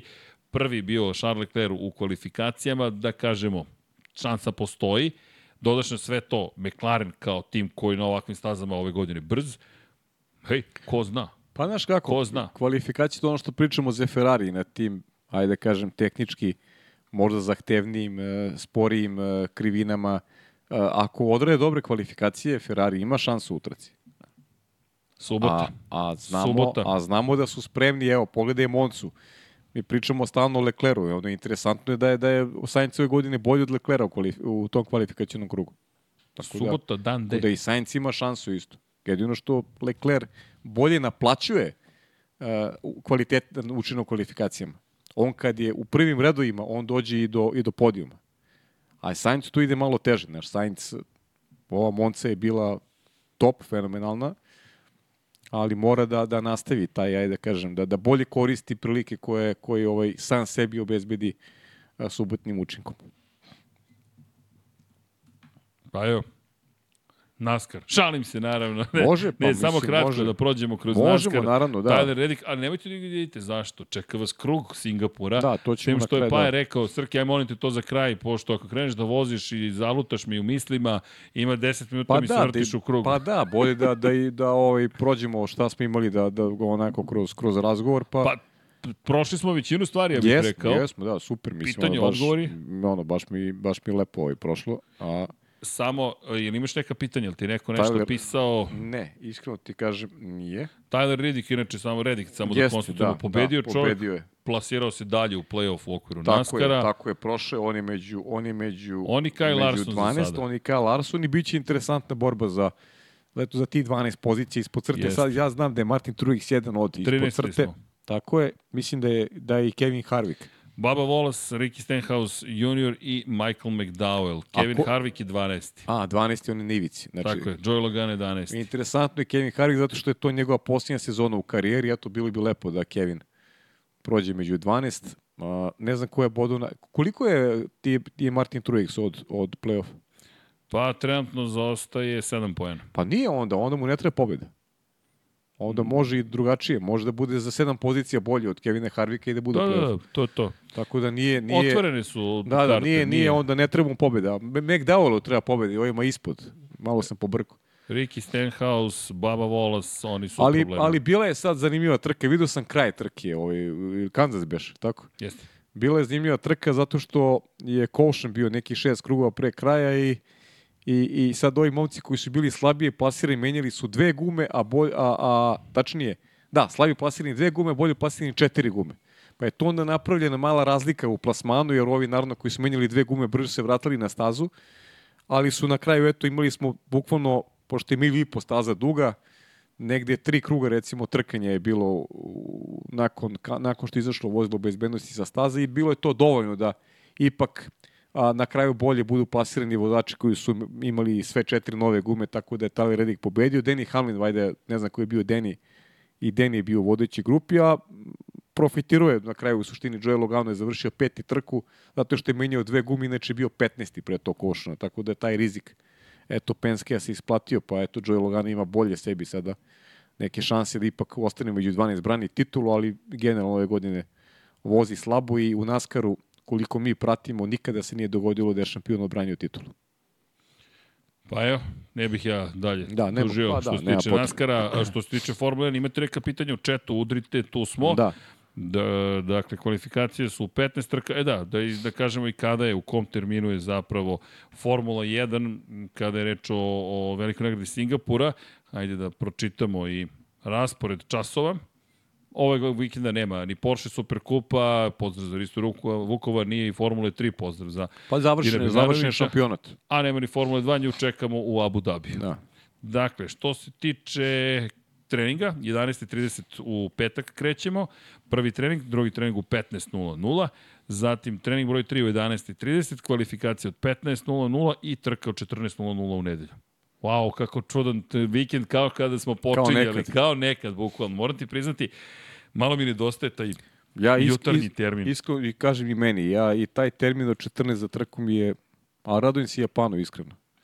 Nemam Da, ništa protiv. lepo, Ma da, lepo. mislim, znaš, to je... Ali ovo su neke vremena na koje smo bili navikli. To se sećam, dođemo ujutro, odradimo prvi trening i onda razmišljamo šta, koliko, gde, kako, što sat i po traje, ta, trajao taj prvi trening. Jest, jest. Onda dođe drugi trening, još sat i po, pa onda dođe treći sat i jedan, onda dođe kvalifikacije, onda trka i imaš mnogo toga da analiziraš, pogledaš, kažeš, pričaš i tako dalje. Znam da, ali znam kad smo počeli, kao što ćemo pričamo sat i po.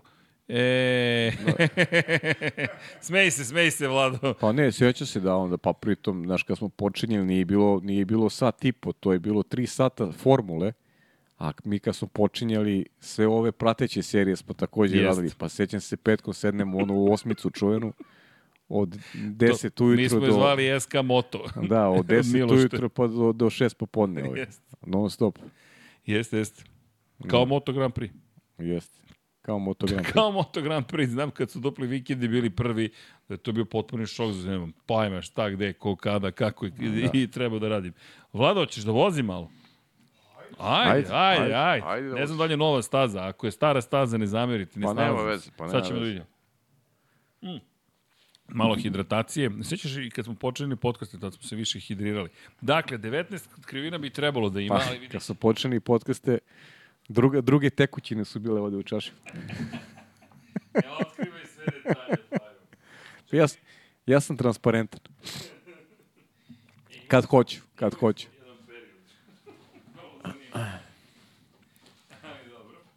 Vlado, O, vla, daješ- vlade, me, vlade me truje sad vodom. I to sa česme. Vlado, Vlado, ne vidim ništa. To, Vlado. Aha, moram.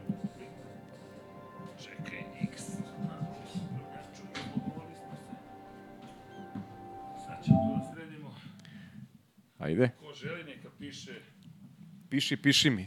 ko želi neka piše pa i na Instagram pa da odgovara na pitanja ili vlada da ponavlja pitanja ako vidi chat.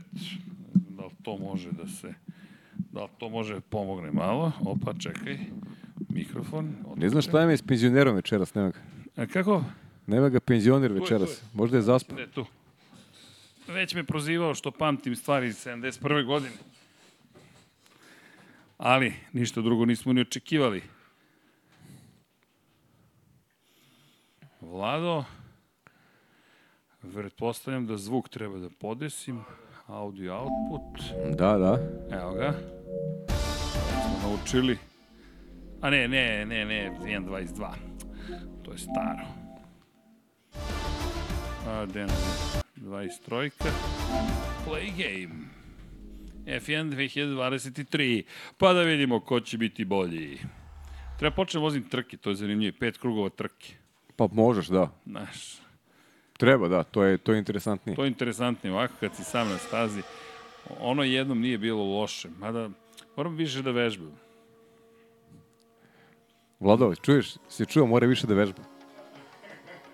Pa, o, sve veće od nule je više, tako da. I koliko lopta smo pobacali po back. Uh, F1 svet. Play. Šta ćemo da igramo? Ajmo, idemo na... Pa idi, što ne voziš trku? To je pravo. A gde ću vozim trku? Misliš, a? Pa šta je pet krugova, šta je, neko smo... Grand Prix. Start new Grand Prix. Ajde. Uh, F1 World Car 2023. Uh, da vidimo gde smo. Singapurče. Dobro. A ne, ovo je... Jel Mogu, sad idemo u Singapur. Koji bolid vozim? Aston Martin. Vlada rekao Aston Martin. Pa, zelena, zbog moje majice. Hoće, hoćeš sa strolom da vozim? Nemoj, nećeš tići. Nećeš tići do ujutru do cilja. Čekaj sad da vidimo. A, a, da li sam ja to dobro podesio? A, A ne, Bahrein mi izbacim. Dobro. Sad sam shvatio da sam pogrešio. Izvinite. Ne, ne, ne, ne. ne. Treba da namestim Grand Prix prvi da bude zapravo Singapur. Pogrešio sam. Pogrešio Čika Srđa. Dobro. Options. Quit to main menu. Ok. Sad ćemo to odmah da namestimo. Dakle, vozimo i vozim pet krugova. Ajde, ajde. Ajde. Kvalifikovao sam se, ne znam pojma gde. Grand Prix. Start new Grand Prix, accept. Uh, 2023 i ovde sad menjam gde mi, evo ga Singapur kažu Aston Martin Fernando Alonso weather and time of day A, hoćemo čisto Ja sam, dobio sam pitanje da li sam odabrao koju ću šolju da pojedem, zašto? jer je sve manje izvesno da će Lando biti šampion. Aha, Ljudi, budite strpljivi, polako. Landova karijera još traje. A ja oštrim zube. E, nemam pojma gde se šteluju krugovi, ali ja imam start event. Pa pet ih vozim Srki, koji god da samo bude. ti kažem nešto. Da, Moraš da pričaš. moram da pričam. Znaš zašto? Moram da ustanem malo. Znaš. Malo možda, da, Da, dobro, dobro. malo prošlo, Pa da. vidi, te, te, teško žabu u vodu Molim run Ne, nema problema nikakvih, samo recite šta treba. Dobro večer, poštovani gledalci. Gledamo jednu uzbudljivu trku kojeg nemam pojma gde sam. Vjerojatno sam poslednji. Lewis Hamilton na pol poziciji, ali dajmo da preskočimo da nas ne bih gnjavio. To ćemo sve u nedelju da radimo. E, sad, krećem izgleda sa začelja. Start race. Nema tu potrebe ništa drugo. Čekaj, kako beše? Engage clutch.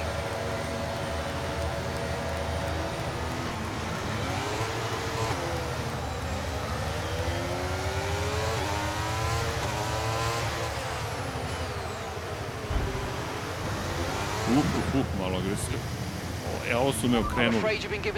Okrenuli me stvarno. Dobro. Morat ćemo da ponovimo malo ovo, pošto sam tek krenuo. Ali nije mi bio loš start, nego malo su me gurnuli, ovaj, malo sam loše ušao u prvu krivinu. Izvinite, neću ovo da radim često, ali aj kad smo već ovde.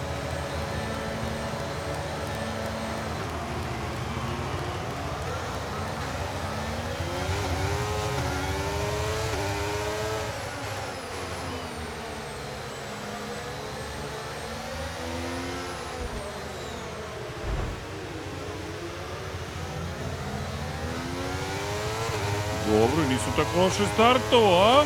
A, reci, nisu tako loše Ups, izvinite. Dobro, malo sam se zaneo. Malo, malo sam se zaneo u ovoj celoj situaciji. Vidi, ja branim moju poziciju. Ne, ali ne pogledam. Nisam stvarno te probao ovu stazu.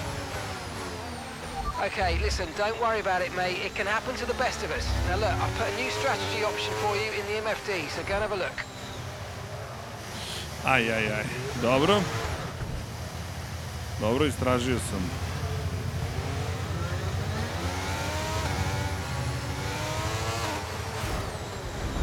Dobro. Mislim da više nemam prednje, nemam prednje krilo, ali dobro. Da li da promenim strategiju? Molim te, promeni strategiju. Opa.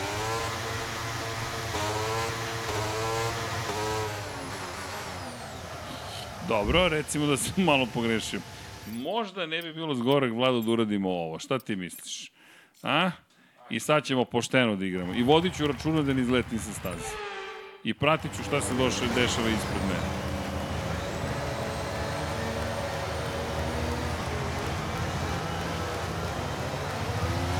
Luise, šta je bilo, a?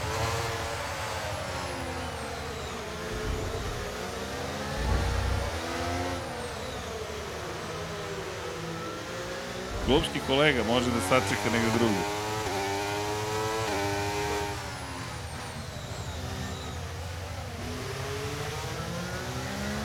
Ne dam da me preteknu, pa je.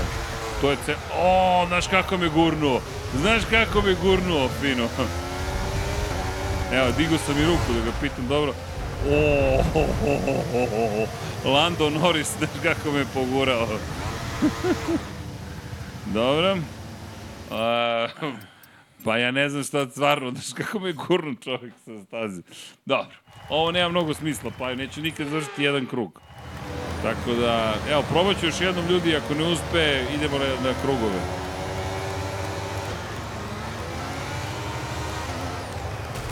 Uhoho. Idemo na krugove. Čiji sam ja sve odmah neki Znaš šta, mnogo sam dobro startovao, razumeš, malo sam se zaigrao, ali sad mislim da ih imam, pa se ovo. Se.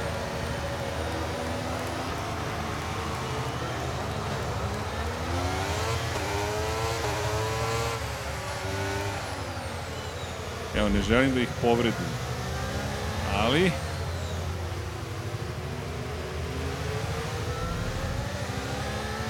Evo, ostavio sam dovoljno prostora.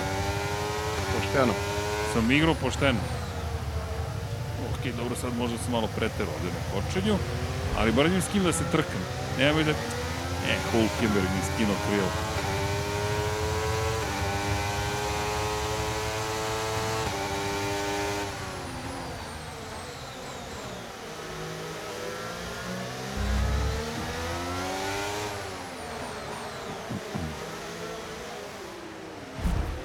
There's a new strategy available on the MFD. On mi je pomogao bio okon, inače, ali dobro.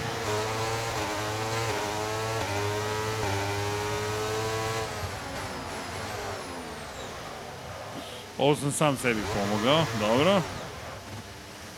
E, ovo je mnogo zabavnije, moram ti priznam. Pa. Pa jest. Samo što ne poznajem stazu, to je problem.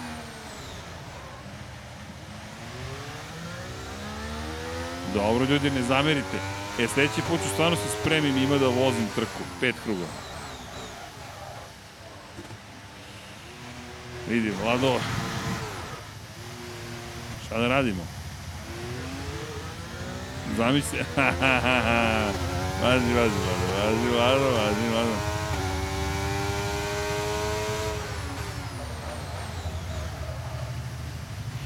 Dobro, dobro. Ha. Bar znam da ih iskoristim, razumeš? Ej. Ako ovo deki gleda, gotov sam.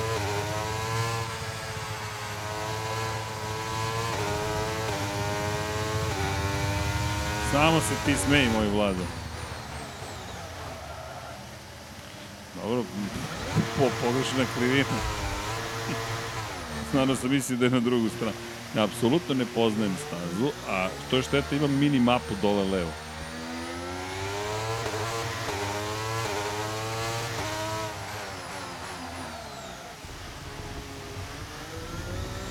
A, jesam ja potvrdio?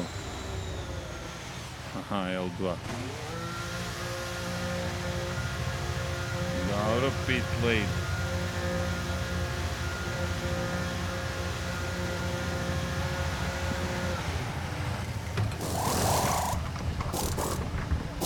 Zakasnio sam.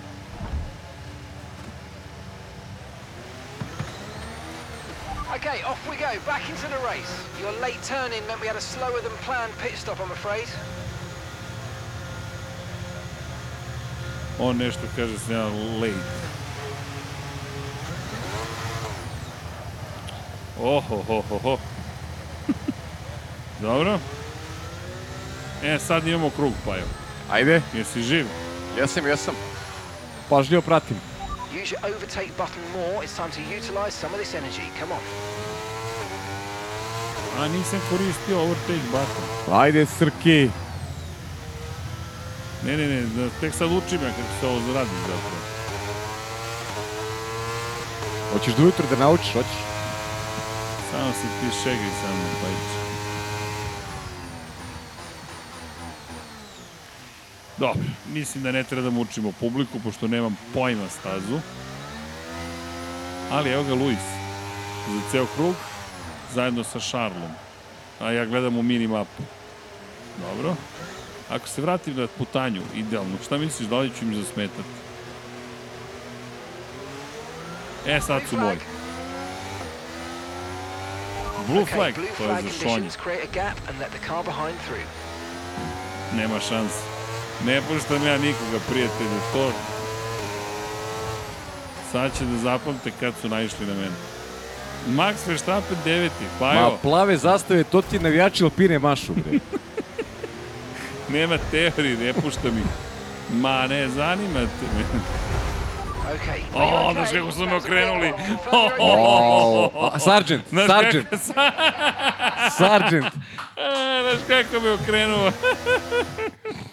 Nema veze, nek smo mi živi i zdravi. Retire from session. I, I uzbrdo brzi. A, jako.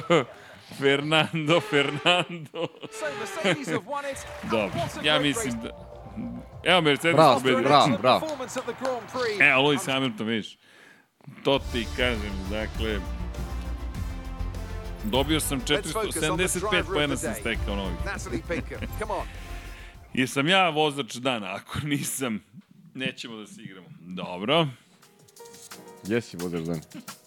neviđeni vozač dana. O, dobio sam keš, vidio, sve keš. Pa, A, reci. Dobro.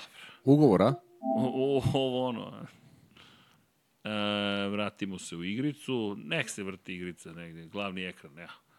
Nek. Eto, breaking point. To je to. Dobro, ček da vratimo na mesto mikrofončić. Dobro. Na mesto. Bravo, Srki. Bravo. Hvala, hvala, hvala. E, to je menadžer ekipe, to je podrška za menadžer. Ej, čekaj, znaš šta smo zaboravili? Ao, bre, fantazi, bre, pa Fantasy? stvarno. Znam zašto me nikad ne podsjećaš na fantasy. Pa zato što sam fenomenalno. Pa. A znam sve, sve mi je jasno kao dan. U, čekaj, Možda staviš taj, taj, te slušnice malo. to što vidim je nešto čudno. Ladno mi na ušima. Vlada ga razladio kuda je jesen stigla u grad. Neka, neka vlada, to je u redu, tu se samo šalim. Dakle, fantasy, ajmo da vidimo gde smo Ajde. fantasy. I da li nešto menjamo za ovaj fantasy? Ti znaš da ne menjam. A, nema menjanja. Dobro.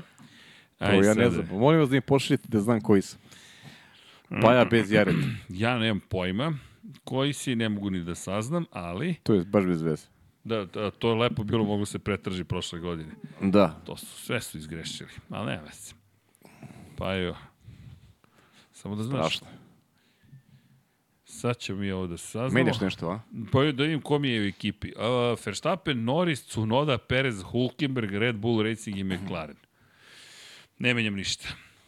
Ostajem pri mom izboru. Mada, mada, mada. Mada. Mada, mada, mada. Ma, ne, ne veze, ne veze. Jedino što bih možda promenio manage team, možda bih promenio ekipu, samo da vidim da li imam para za ekipu. Konstruktorski. Ne znaš, ovo, ko sloga. Ne veze. Mada ne. Evo ovako. Šta jeste da menjaš? Aston ću da vratim kao ekipu. Eto, da bude malo drugačije. Uh, confirm changes. Confirm changes. Norris i Aston Martin. Eto ga. E sad, što se tiče liga, tu sam 347. i dalje Raven vodi ispred Kajzera. Milije, Vratolomca, Out of Sync, Opel Šnjevke, Lapčevića, Ninja Ratnika, Sirkut Colorado i Vozi Miško. To je vodećih 10 igrača. Samo da vas podsjetimo da odigrate i da budete spremni za akciju, da budete spremni za neviđenu. Sargent izbacio Srkija. Da, Srki ko, da, da, da pa da. A, ne, ali Srki je lepo izveo, da li Perez može da izvede Rosberga, odgovor je ne, ali Srki je lepo izveo Sargenta. Eto ti, sve kako treba. Uh, u svakom slučaju... Dobro ti stoji, Logan. Da, break bias neka prebaci na 56 da mu koče točkovi toliko. e, ljudi, samo ću vam reći, e, Deki ne gleda isključuje kada si pomenuo Flavija. Naučit ćemo mi ovo, ovo smo se malo danas šalili. Ali ono što je pojento jeste da smo se lepo zabavili, pa evo, ja se nadam da si uživao. Uvek. Uvek stvarno bilo lepo. Tako da, Kao kaže, uvek. kaže Vuk sa 17, nema ništa bolje ponedjeljkom posle škole, vozi se Seto Corsa i sluša Lab 76. Tako je, tako je. Hvala, hvala. Da, inače Nemanja Lukić pita, to nismo spomenuli, pozdrav snima, šta mislite o pričama da će bolidi biti 50 kg lakši do 2026 i dosta manji.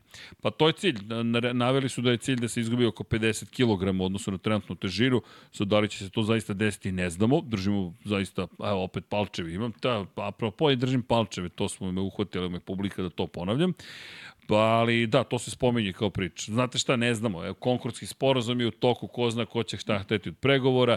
Audi takođe stiže 2026. koliki će biti, to je njegov uticaj kao trenutno Zaubera. Ne znam, voleo bih da se smanje bolidi, svima bi to prijelo, baš su postali mnogo veliki. Za neke staze čak i preveliki. U Monaku kad odemo, ne možete, Ma, skoro da ne može da se skrene. Da je više. samo Monako, pa i, i ajde. U svakom slučaju, eto, mi se nadamo. da- Jeste, to je ideja. Priča se uveliko u tome da, da, da, da se na tome radi, pa nadamo se, nadamo se će tako i biti.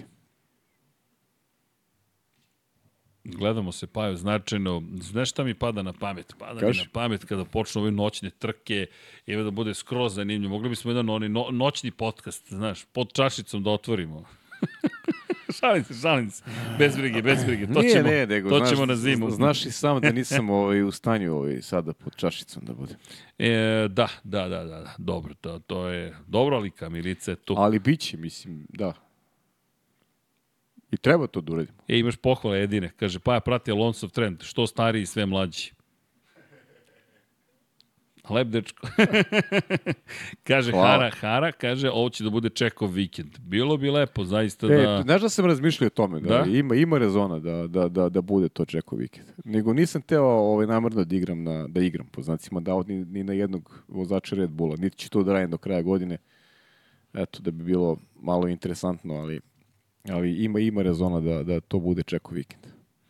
E, što se tiče čeka, po prošle godine zaista je u, Jest, u, jest. u Singapuru za mene odvezao možda i svoju najbolju trku. Baš je bio dobar. Mada i ove godine Saudijska Arabija bila izvrsna. Ono što mi je bolje u odnosu na Saudijsku Arabiju jeste što je to već bila završnica sezone i dosta se priča o tome da je čekao sve spori kako sezona Srki- odmiče, to je da se više razvija bolid za Na, Maxa. najveća poenta cele priče, Čeko je uvek tu kad Maxa nema. I to je, to je ono što, što Red Bull čini zadovoljni. I tu, tu priča počinje i završava se kad je Čeko u pitanju. On je u stanju da odreaguje na pravi način kada je Max u hendikepu i onako tu Red Bullu to daje onako široku lepezu mogućnosti kada govorimo i strategiji i pritom a, nije malo puta Čeko poništio taj, ajde da kažem, nedostatak sreće ili, ili činjenici da ima neki kvar, šta god. I, i pro, tokom prošle godine takođe. Tako da je Čeko ispunio sva očekivanja ovaj, Red Bullovih navijača. E, E, e sad da. što ima Helmut Marko te ispade i možda gleda u nekom drugo. drugom pravcu, to je, to je njegov problem. Inače, evo pitanje, to sam zaboravio da spomenem, a ne bi smeo, to ne, to ne samo da zaboravimo. Vettel u Nordschla, na Nordschleifeu zajedno sa Danielom Ricardom. Mm -hmm. Da, seo je ponovo u RB sedmicu, Sebastian Vettel, četvorostruki šampion sveta. Inače, bolid koji je prošle godine bio ovde u Beogradu, sad će godinu dana kada je bio Red Bull Show Run. David Coulthard, Patrick Freiseher su ovde vozili i obećali smo da ćemo napraviti nešto lepo, tako da smo izabrali fotografije koje ćemo pretvoriti zapravo u umetnička dela. Ostale ćemo prikazivati na ekranima sve što ste poslali. Od vaših videa ćemo napraviti pa i fotografije, zapravo jedan YouTube video koji ćemo prikazati na našem kanalu, čisto da vi kao autori i kao kreatori budete takođe predstavljeni da ono što ste vi uradili zapravo i što ste ovekovečili kada je reč o Red Bull Show ranu bude takođe prikazano. To je neki, neka naša želja, prosto smatramo da tako treba stvari da funkcionišu, da ono što ste vi videli takođe prikaz, prikažemo, a kada govorimo o Kinky Kylie, baš je bila u Beogradu prošle godine i bilo je zbudljivo, znam imam i fotku kako virim, iz, ne, nisu mi dali da sednem unutra pošto sam prevelik, ali bakar sam glavu zabio unutra pa da vidimo šta se sve tu dešava.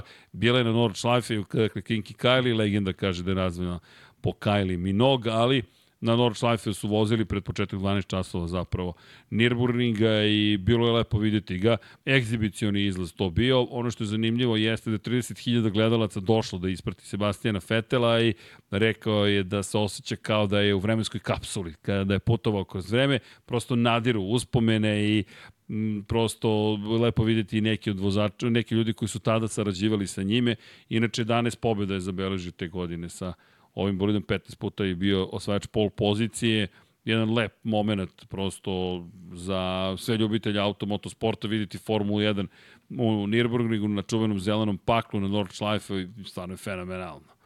I to je ona čuvena sezona kada je osvojio titulu, u Japanu je osvojio titulu, Seća se, to, to je bila naša prva sezona koju smo komentarisali. Seća se Suzuki baš 11. jasno jeste. Nismo od početka od prve trke, već od velike nagrade Turske, ali... Četvrta, peta koja Tako beše. je, tako je. I, I zaista je bilo fenomenalno. Prosto nekako prošle godine vidjeti taj bolid iz bliza, pa sada da, ga, da čitamo da je na Nordschleifeu, pa da je to bio A kad prvi bod koji smo komentarisali. Mislim da je 17. september, ako, se, ako ja dobro pamtim, 17. ili 16. september. Ali, eto, pitali smo se, izvinjam se, da li je Vettel tu negde u celoj priči i to je to. Inače, RB sedmica ukupno imala 12 pobjeda. Jednu pobjedu zabeležio Mark Webber. Brazil, ako se dobro sećam. I tako, lep deo istorije, zaista lep deo istorije.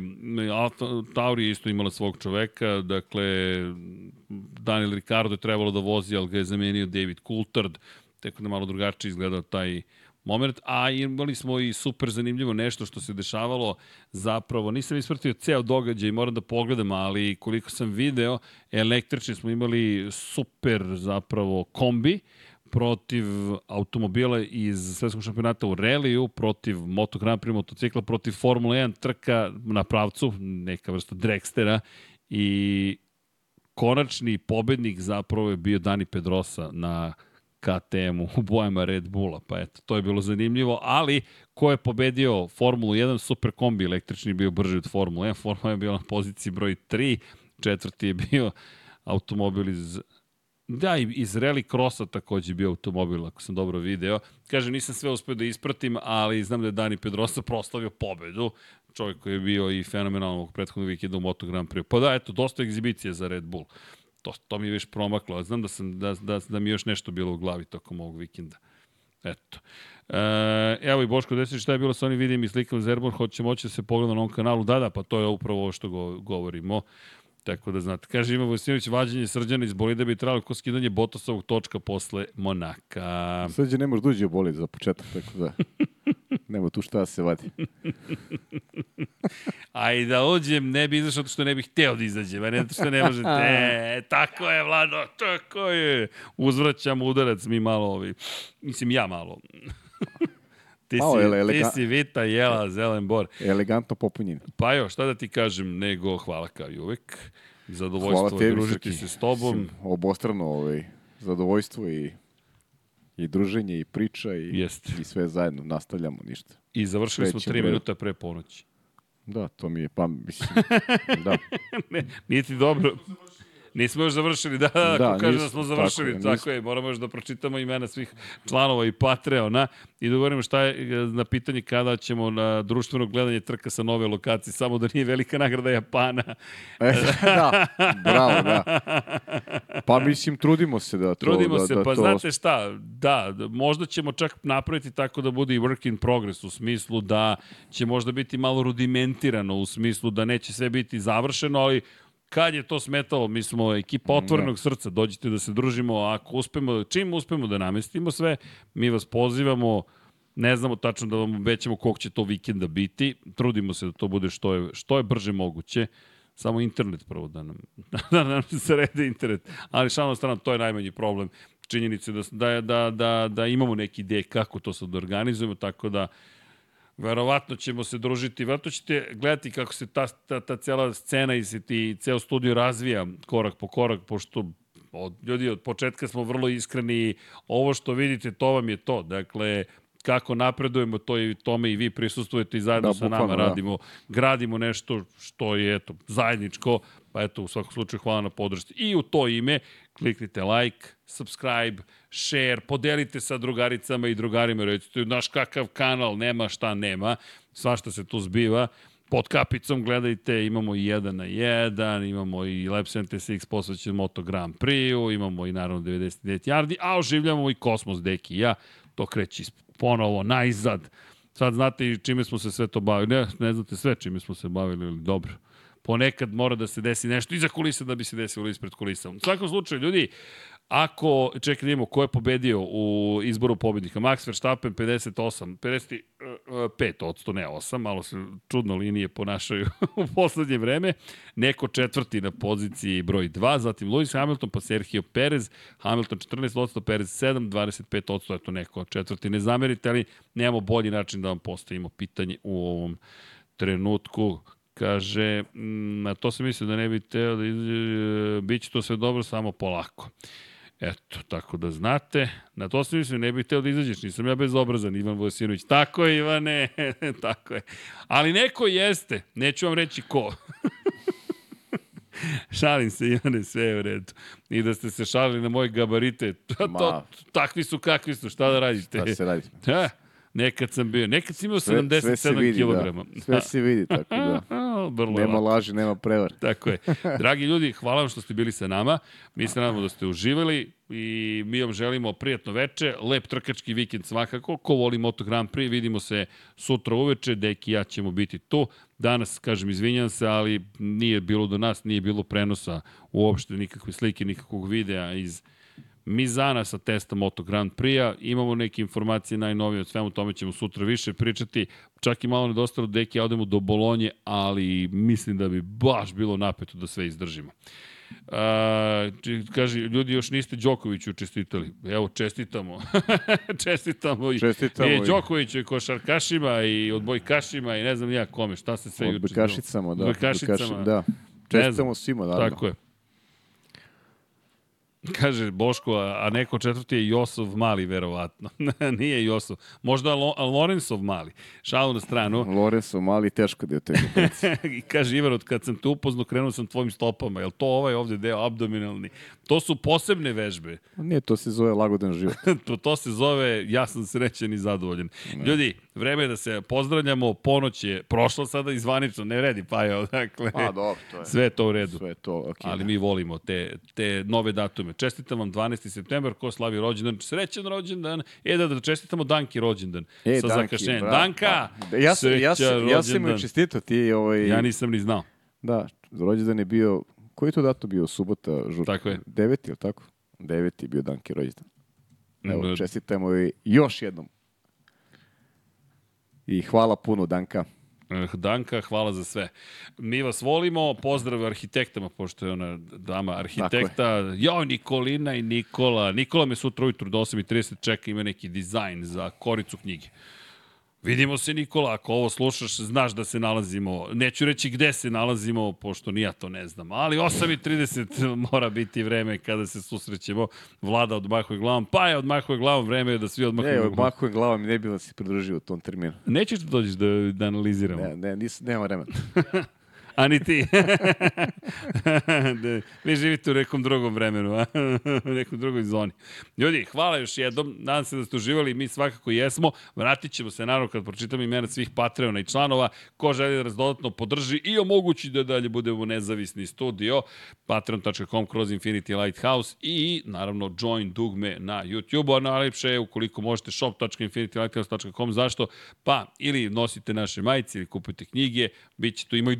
E, dolazi web, doba dukseva, sad, ja, ja, specijal japanski, eno ga u ćošku, to je specijalno izdanje Rapu, je li tako? Jeste, piše. Rapu 76. Meni su, meni su duksevi slaba tačka. Ovi, Jesu, ali dobri ovi su. fenomenalni su. Sad ćemo da napravimo Nije, i sa... nije, nije što su naši, ali stvarno su fenomenalni. I sad ide sa Rajsveršlusom, tako da to stiže sledeće. Ali, do tada, želim vam laku i mirnu noć, uživajte, a sada da se zahvalimo svima koji nas podržavaju što kratko, što dugo. Hvala svima još jednom i vidimo se za ne znam koliko minuta to. 8 minuta, standardna praksa, laganih 8 minuta, muzike za uši za naše Patreone i članove. Hvala Alen Stojčić, Milan Milašević, Vladimir Filipović, Miloš Broćeta, Crnogorski džedaj, Stefan Ličina, Bojan Markov, Nenad Simić, Katarina, Ongen Ugur, Ungurjanović, Stefan Radosavljević, Antonio Novak, Dušan Ristić, Luka Savović, Aleksandar Jurić, Vladimir Petković, Nemanja Zagorac, Sean Hing, Mirina Živković, Deus Nikola, Živojin Petković, Nikola Marinković, Bahter Abdurmanov, Ćole Bronkos, Đorđe Andrić, Branimir Rijevec, Luka Klaso, Nikola Božinović, Anonimus, Donatorus, Žarko Milić, Marko Petrekanović, Dejan Đokić, Marina Mihajlović, Miloš Rosandić, Nikola Grujičić, Mlađan Antić, Ivan Novak Tomić, Ivan Simeunović, Vladan Miladinović, Kovačević Omer, Stefan Vidić, Luka, Nedim, Vlada Ivanović, Aleksandar, Predrag Pižurica, Martin Gašpar, Stefan Vuletić, Milan Paunović, Milan Apro, Đorđe Milanović, Stefan Nedeljković, Nedim Drljević, Monika Erceg, Goša 46, Zoran Majdov, Miloš Banduka, Marko Bogavac, Milan, Mario Jelena Komšić, Andrej Božo, Armin Durgut, Marko Ćurčić, Strahinja Brajanovski, Mario Vidović, Mihajlo Krgović, Daniela Ilić, Benjo KK, Andreja Miladinović, Predrag Simić, Blufonac, Đorđe Radojević, Ružica Stefanović, Bojan Majstorović, Jasenko Samarđić, Marko Mostarac, Aleksa Valter, Životić Jovan, Anonimus, Donatorus, Mihovil Stamičar, Ante Primorac, Zoran Šalamun, Boris Kojundžić, Aleksandar Radivojša, Nemanja Jeremić,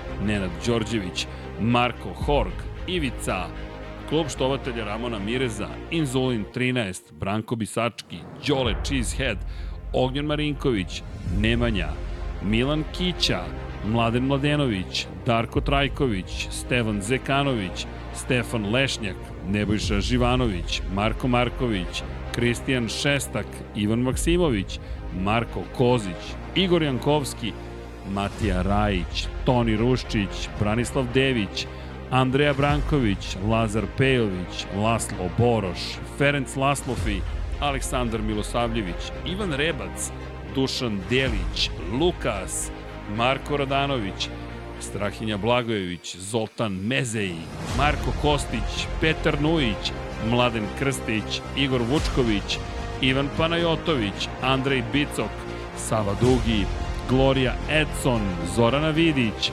Boris Golubar, Đorđije Lopušina, Borko Božunović, Lazar Hristov, Aleksa Vučaj, Ivana, Kimi Rajkonen, Vojin Kostić, Bojan Bogdanović, Bojan Mijatović, Stefan Stanković, Bata Brada, Nikola Stojadinović, Vladidov Dej ili Stojanović, izvinjam se, Vučinić Miroslav, Ertan Prelić, Dragan Matić, Jugoslav Krasnić, Renata Neš, Luka Martinović, Vladimir Uskoković, Vukašin Jekić, Marin Antunović, Safet Isljami, Vambli Sapa, Zoran Cimeša, Veselin Vukićević, Aleksandar Banovac, Ljubo Đurović, Optimistik, Josh Allen, Fan, Salim Okanović, Klara Gašpar, Anonimus, Donatorus, Mirina Kovačević, Miloš Radosavljević, LFC, Jovan Đodan, Tijana Vidanović, Nedo Lepanović, Ognjen Grgur, Šefko Ćehić, Džigi Bau, Borislav Vukojević, Aleksandar Mitrović,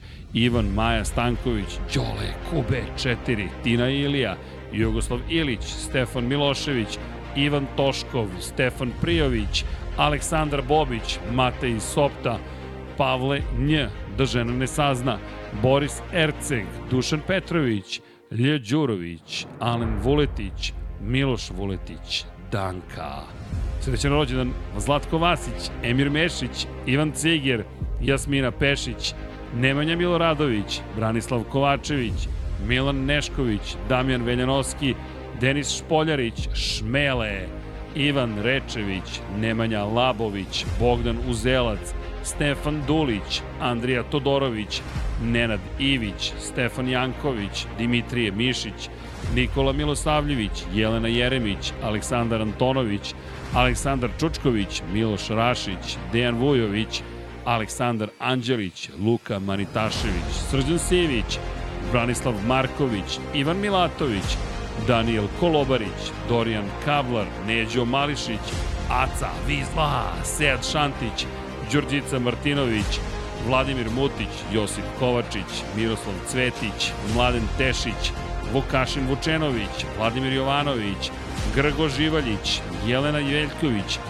Armin, Vladimir Stojadinov, Đerman, Miloš Todorov, Vuk Korać, Aleksa Lilić, Saša Ranisavljević, Jeca and Stefan, Jelena Mak, Borislav Jovanović, Marko Blagojević, Milan Ristić, Vanja Radulović, Filip, Igor Gašparević, Branislav Milošević, Branko Rašević, Uroš Ćosić, Resničanin, Bojan Gitarić, Ehil, Stefan Škrbić, Slaven 84, Marina, Aleks Vulović, Saša Stevanović, Maksi, Igor Ilić, Ivan Hornjak, Future Graciano Rossi, Branislav Dević, Jelena Jeremić, Domagoj Kovač, Krorobi 00, Bakadu, Alen Jesenović, Ivan Božanić, Nikola Vulović, Zlatko Marić, korespondent, korespondent Goran Mrđenović, Mađar 007, Vlada Ivanović, Miloš Zed, LFC,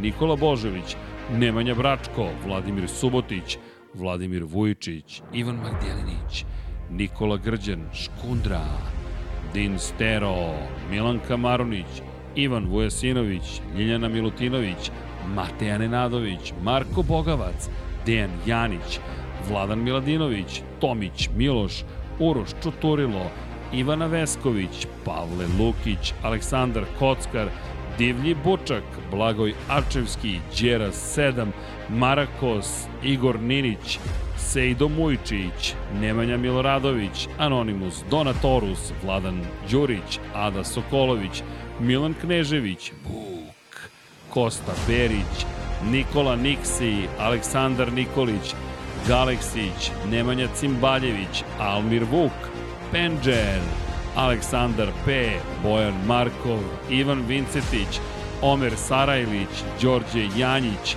Drago Veković, Dejan Plackov Plackov, Nikola Adamović, Oliver Nikolić, Mensur Kurtagić, Žika Su, Nemanja, Jovan Bojanić, Bruno Jurić, Josip Boljovčić, Marko Stojilković, Nedžad Mrakić, Milorad Reljić, Almedin Ahmetović, Nikola Grujičić, Miloš Stanimirović, Nikola Kojić, Petar Bjelić, Vojislav Tadić, Srđan Ćirić, Toni Soni 76, Bojan Stanković, Ivan Doko, Žiksi, Tatjana Lemajić, Lazar Milentijević, Vukašin Vučenović. Malo da plešemo, malo da plešemo. Si zadovoljan? Yes. Ja mislim da će ovo Mi biti plešemo. lepo. Tako je. Samo da ovde noć. napišemo. Da vidimo. Jer ima još nekoga sa nama. Pozdrav, dragi ljudi, svima koji ste izdržali do ovoga momenta. Poseban pozdrav. Kaže, jedan dug s pod kapicom da se napravi za par. Jedan, hiljadu jedan za pod kapicom. Ali, ljudi, želimo Biće, da biće. kažemo da si je lepo biti živ, zdrav, prav, da se družimo sa vama. Mazite se i pazite se, budite dobri jedni prema drugima, vozite računa jedni prema drugima, uradite nešto lepo i pozitivno. Svako gledajte Formula 1, Ukoliko želite da se posebno zabavite, kliknite like, share i subscribe. Šalim se, naravno. Ljudi, samo gledajte Formula 1, uživajte, budite dobri i naravno mazite se, pazite se i naravno kao i uvek. Ćao, Ćao svima. svima. Ćao.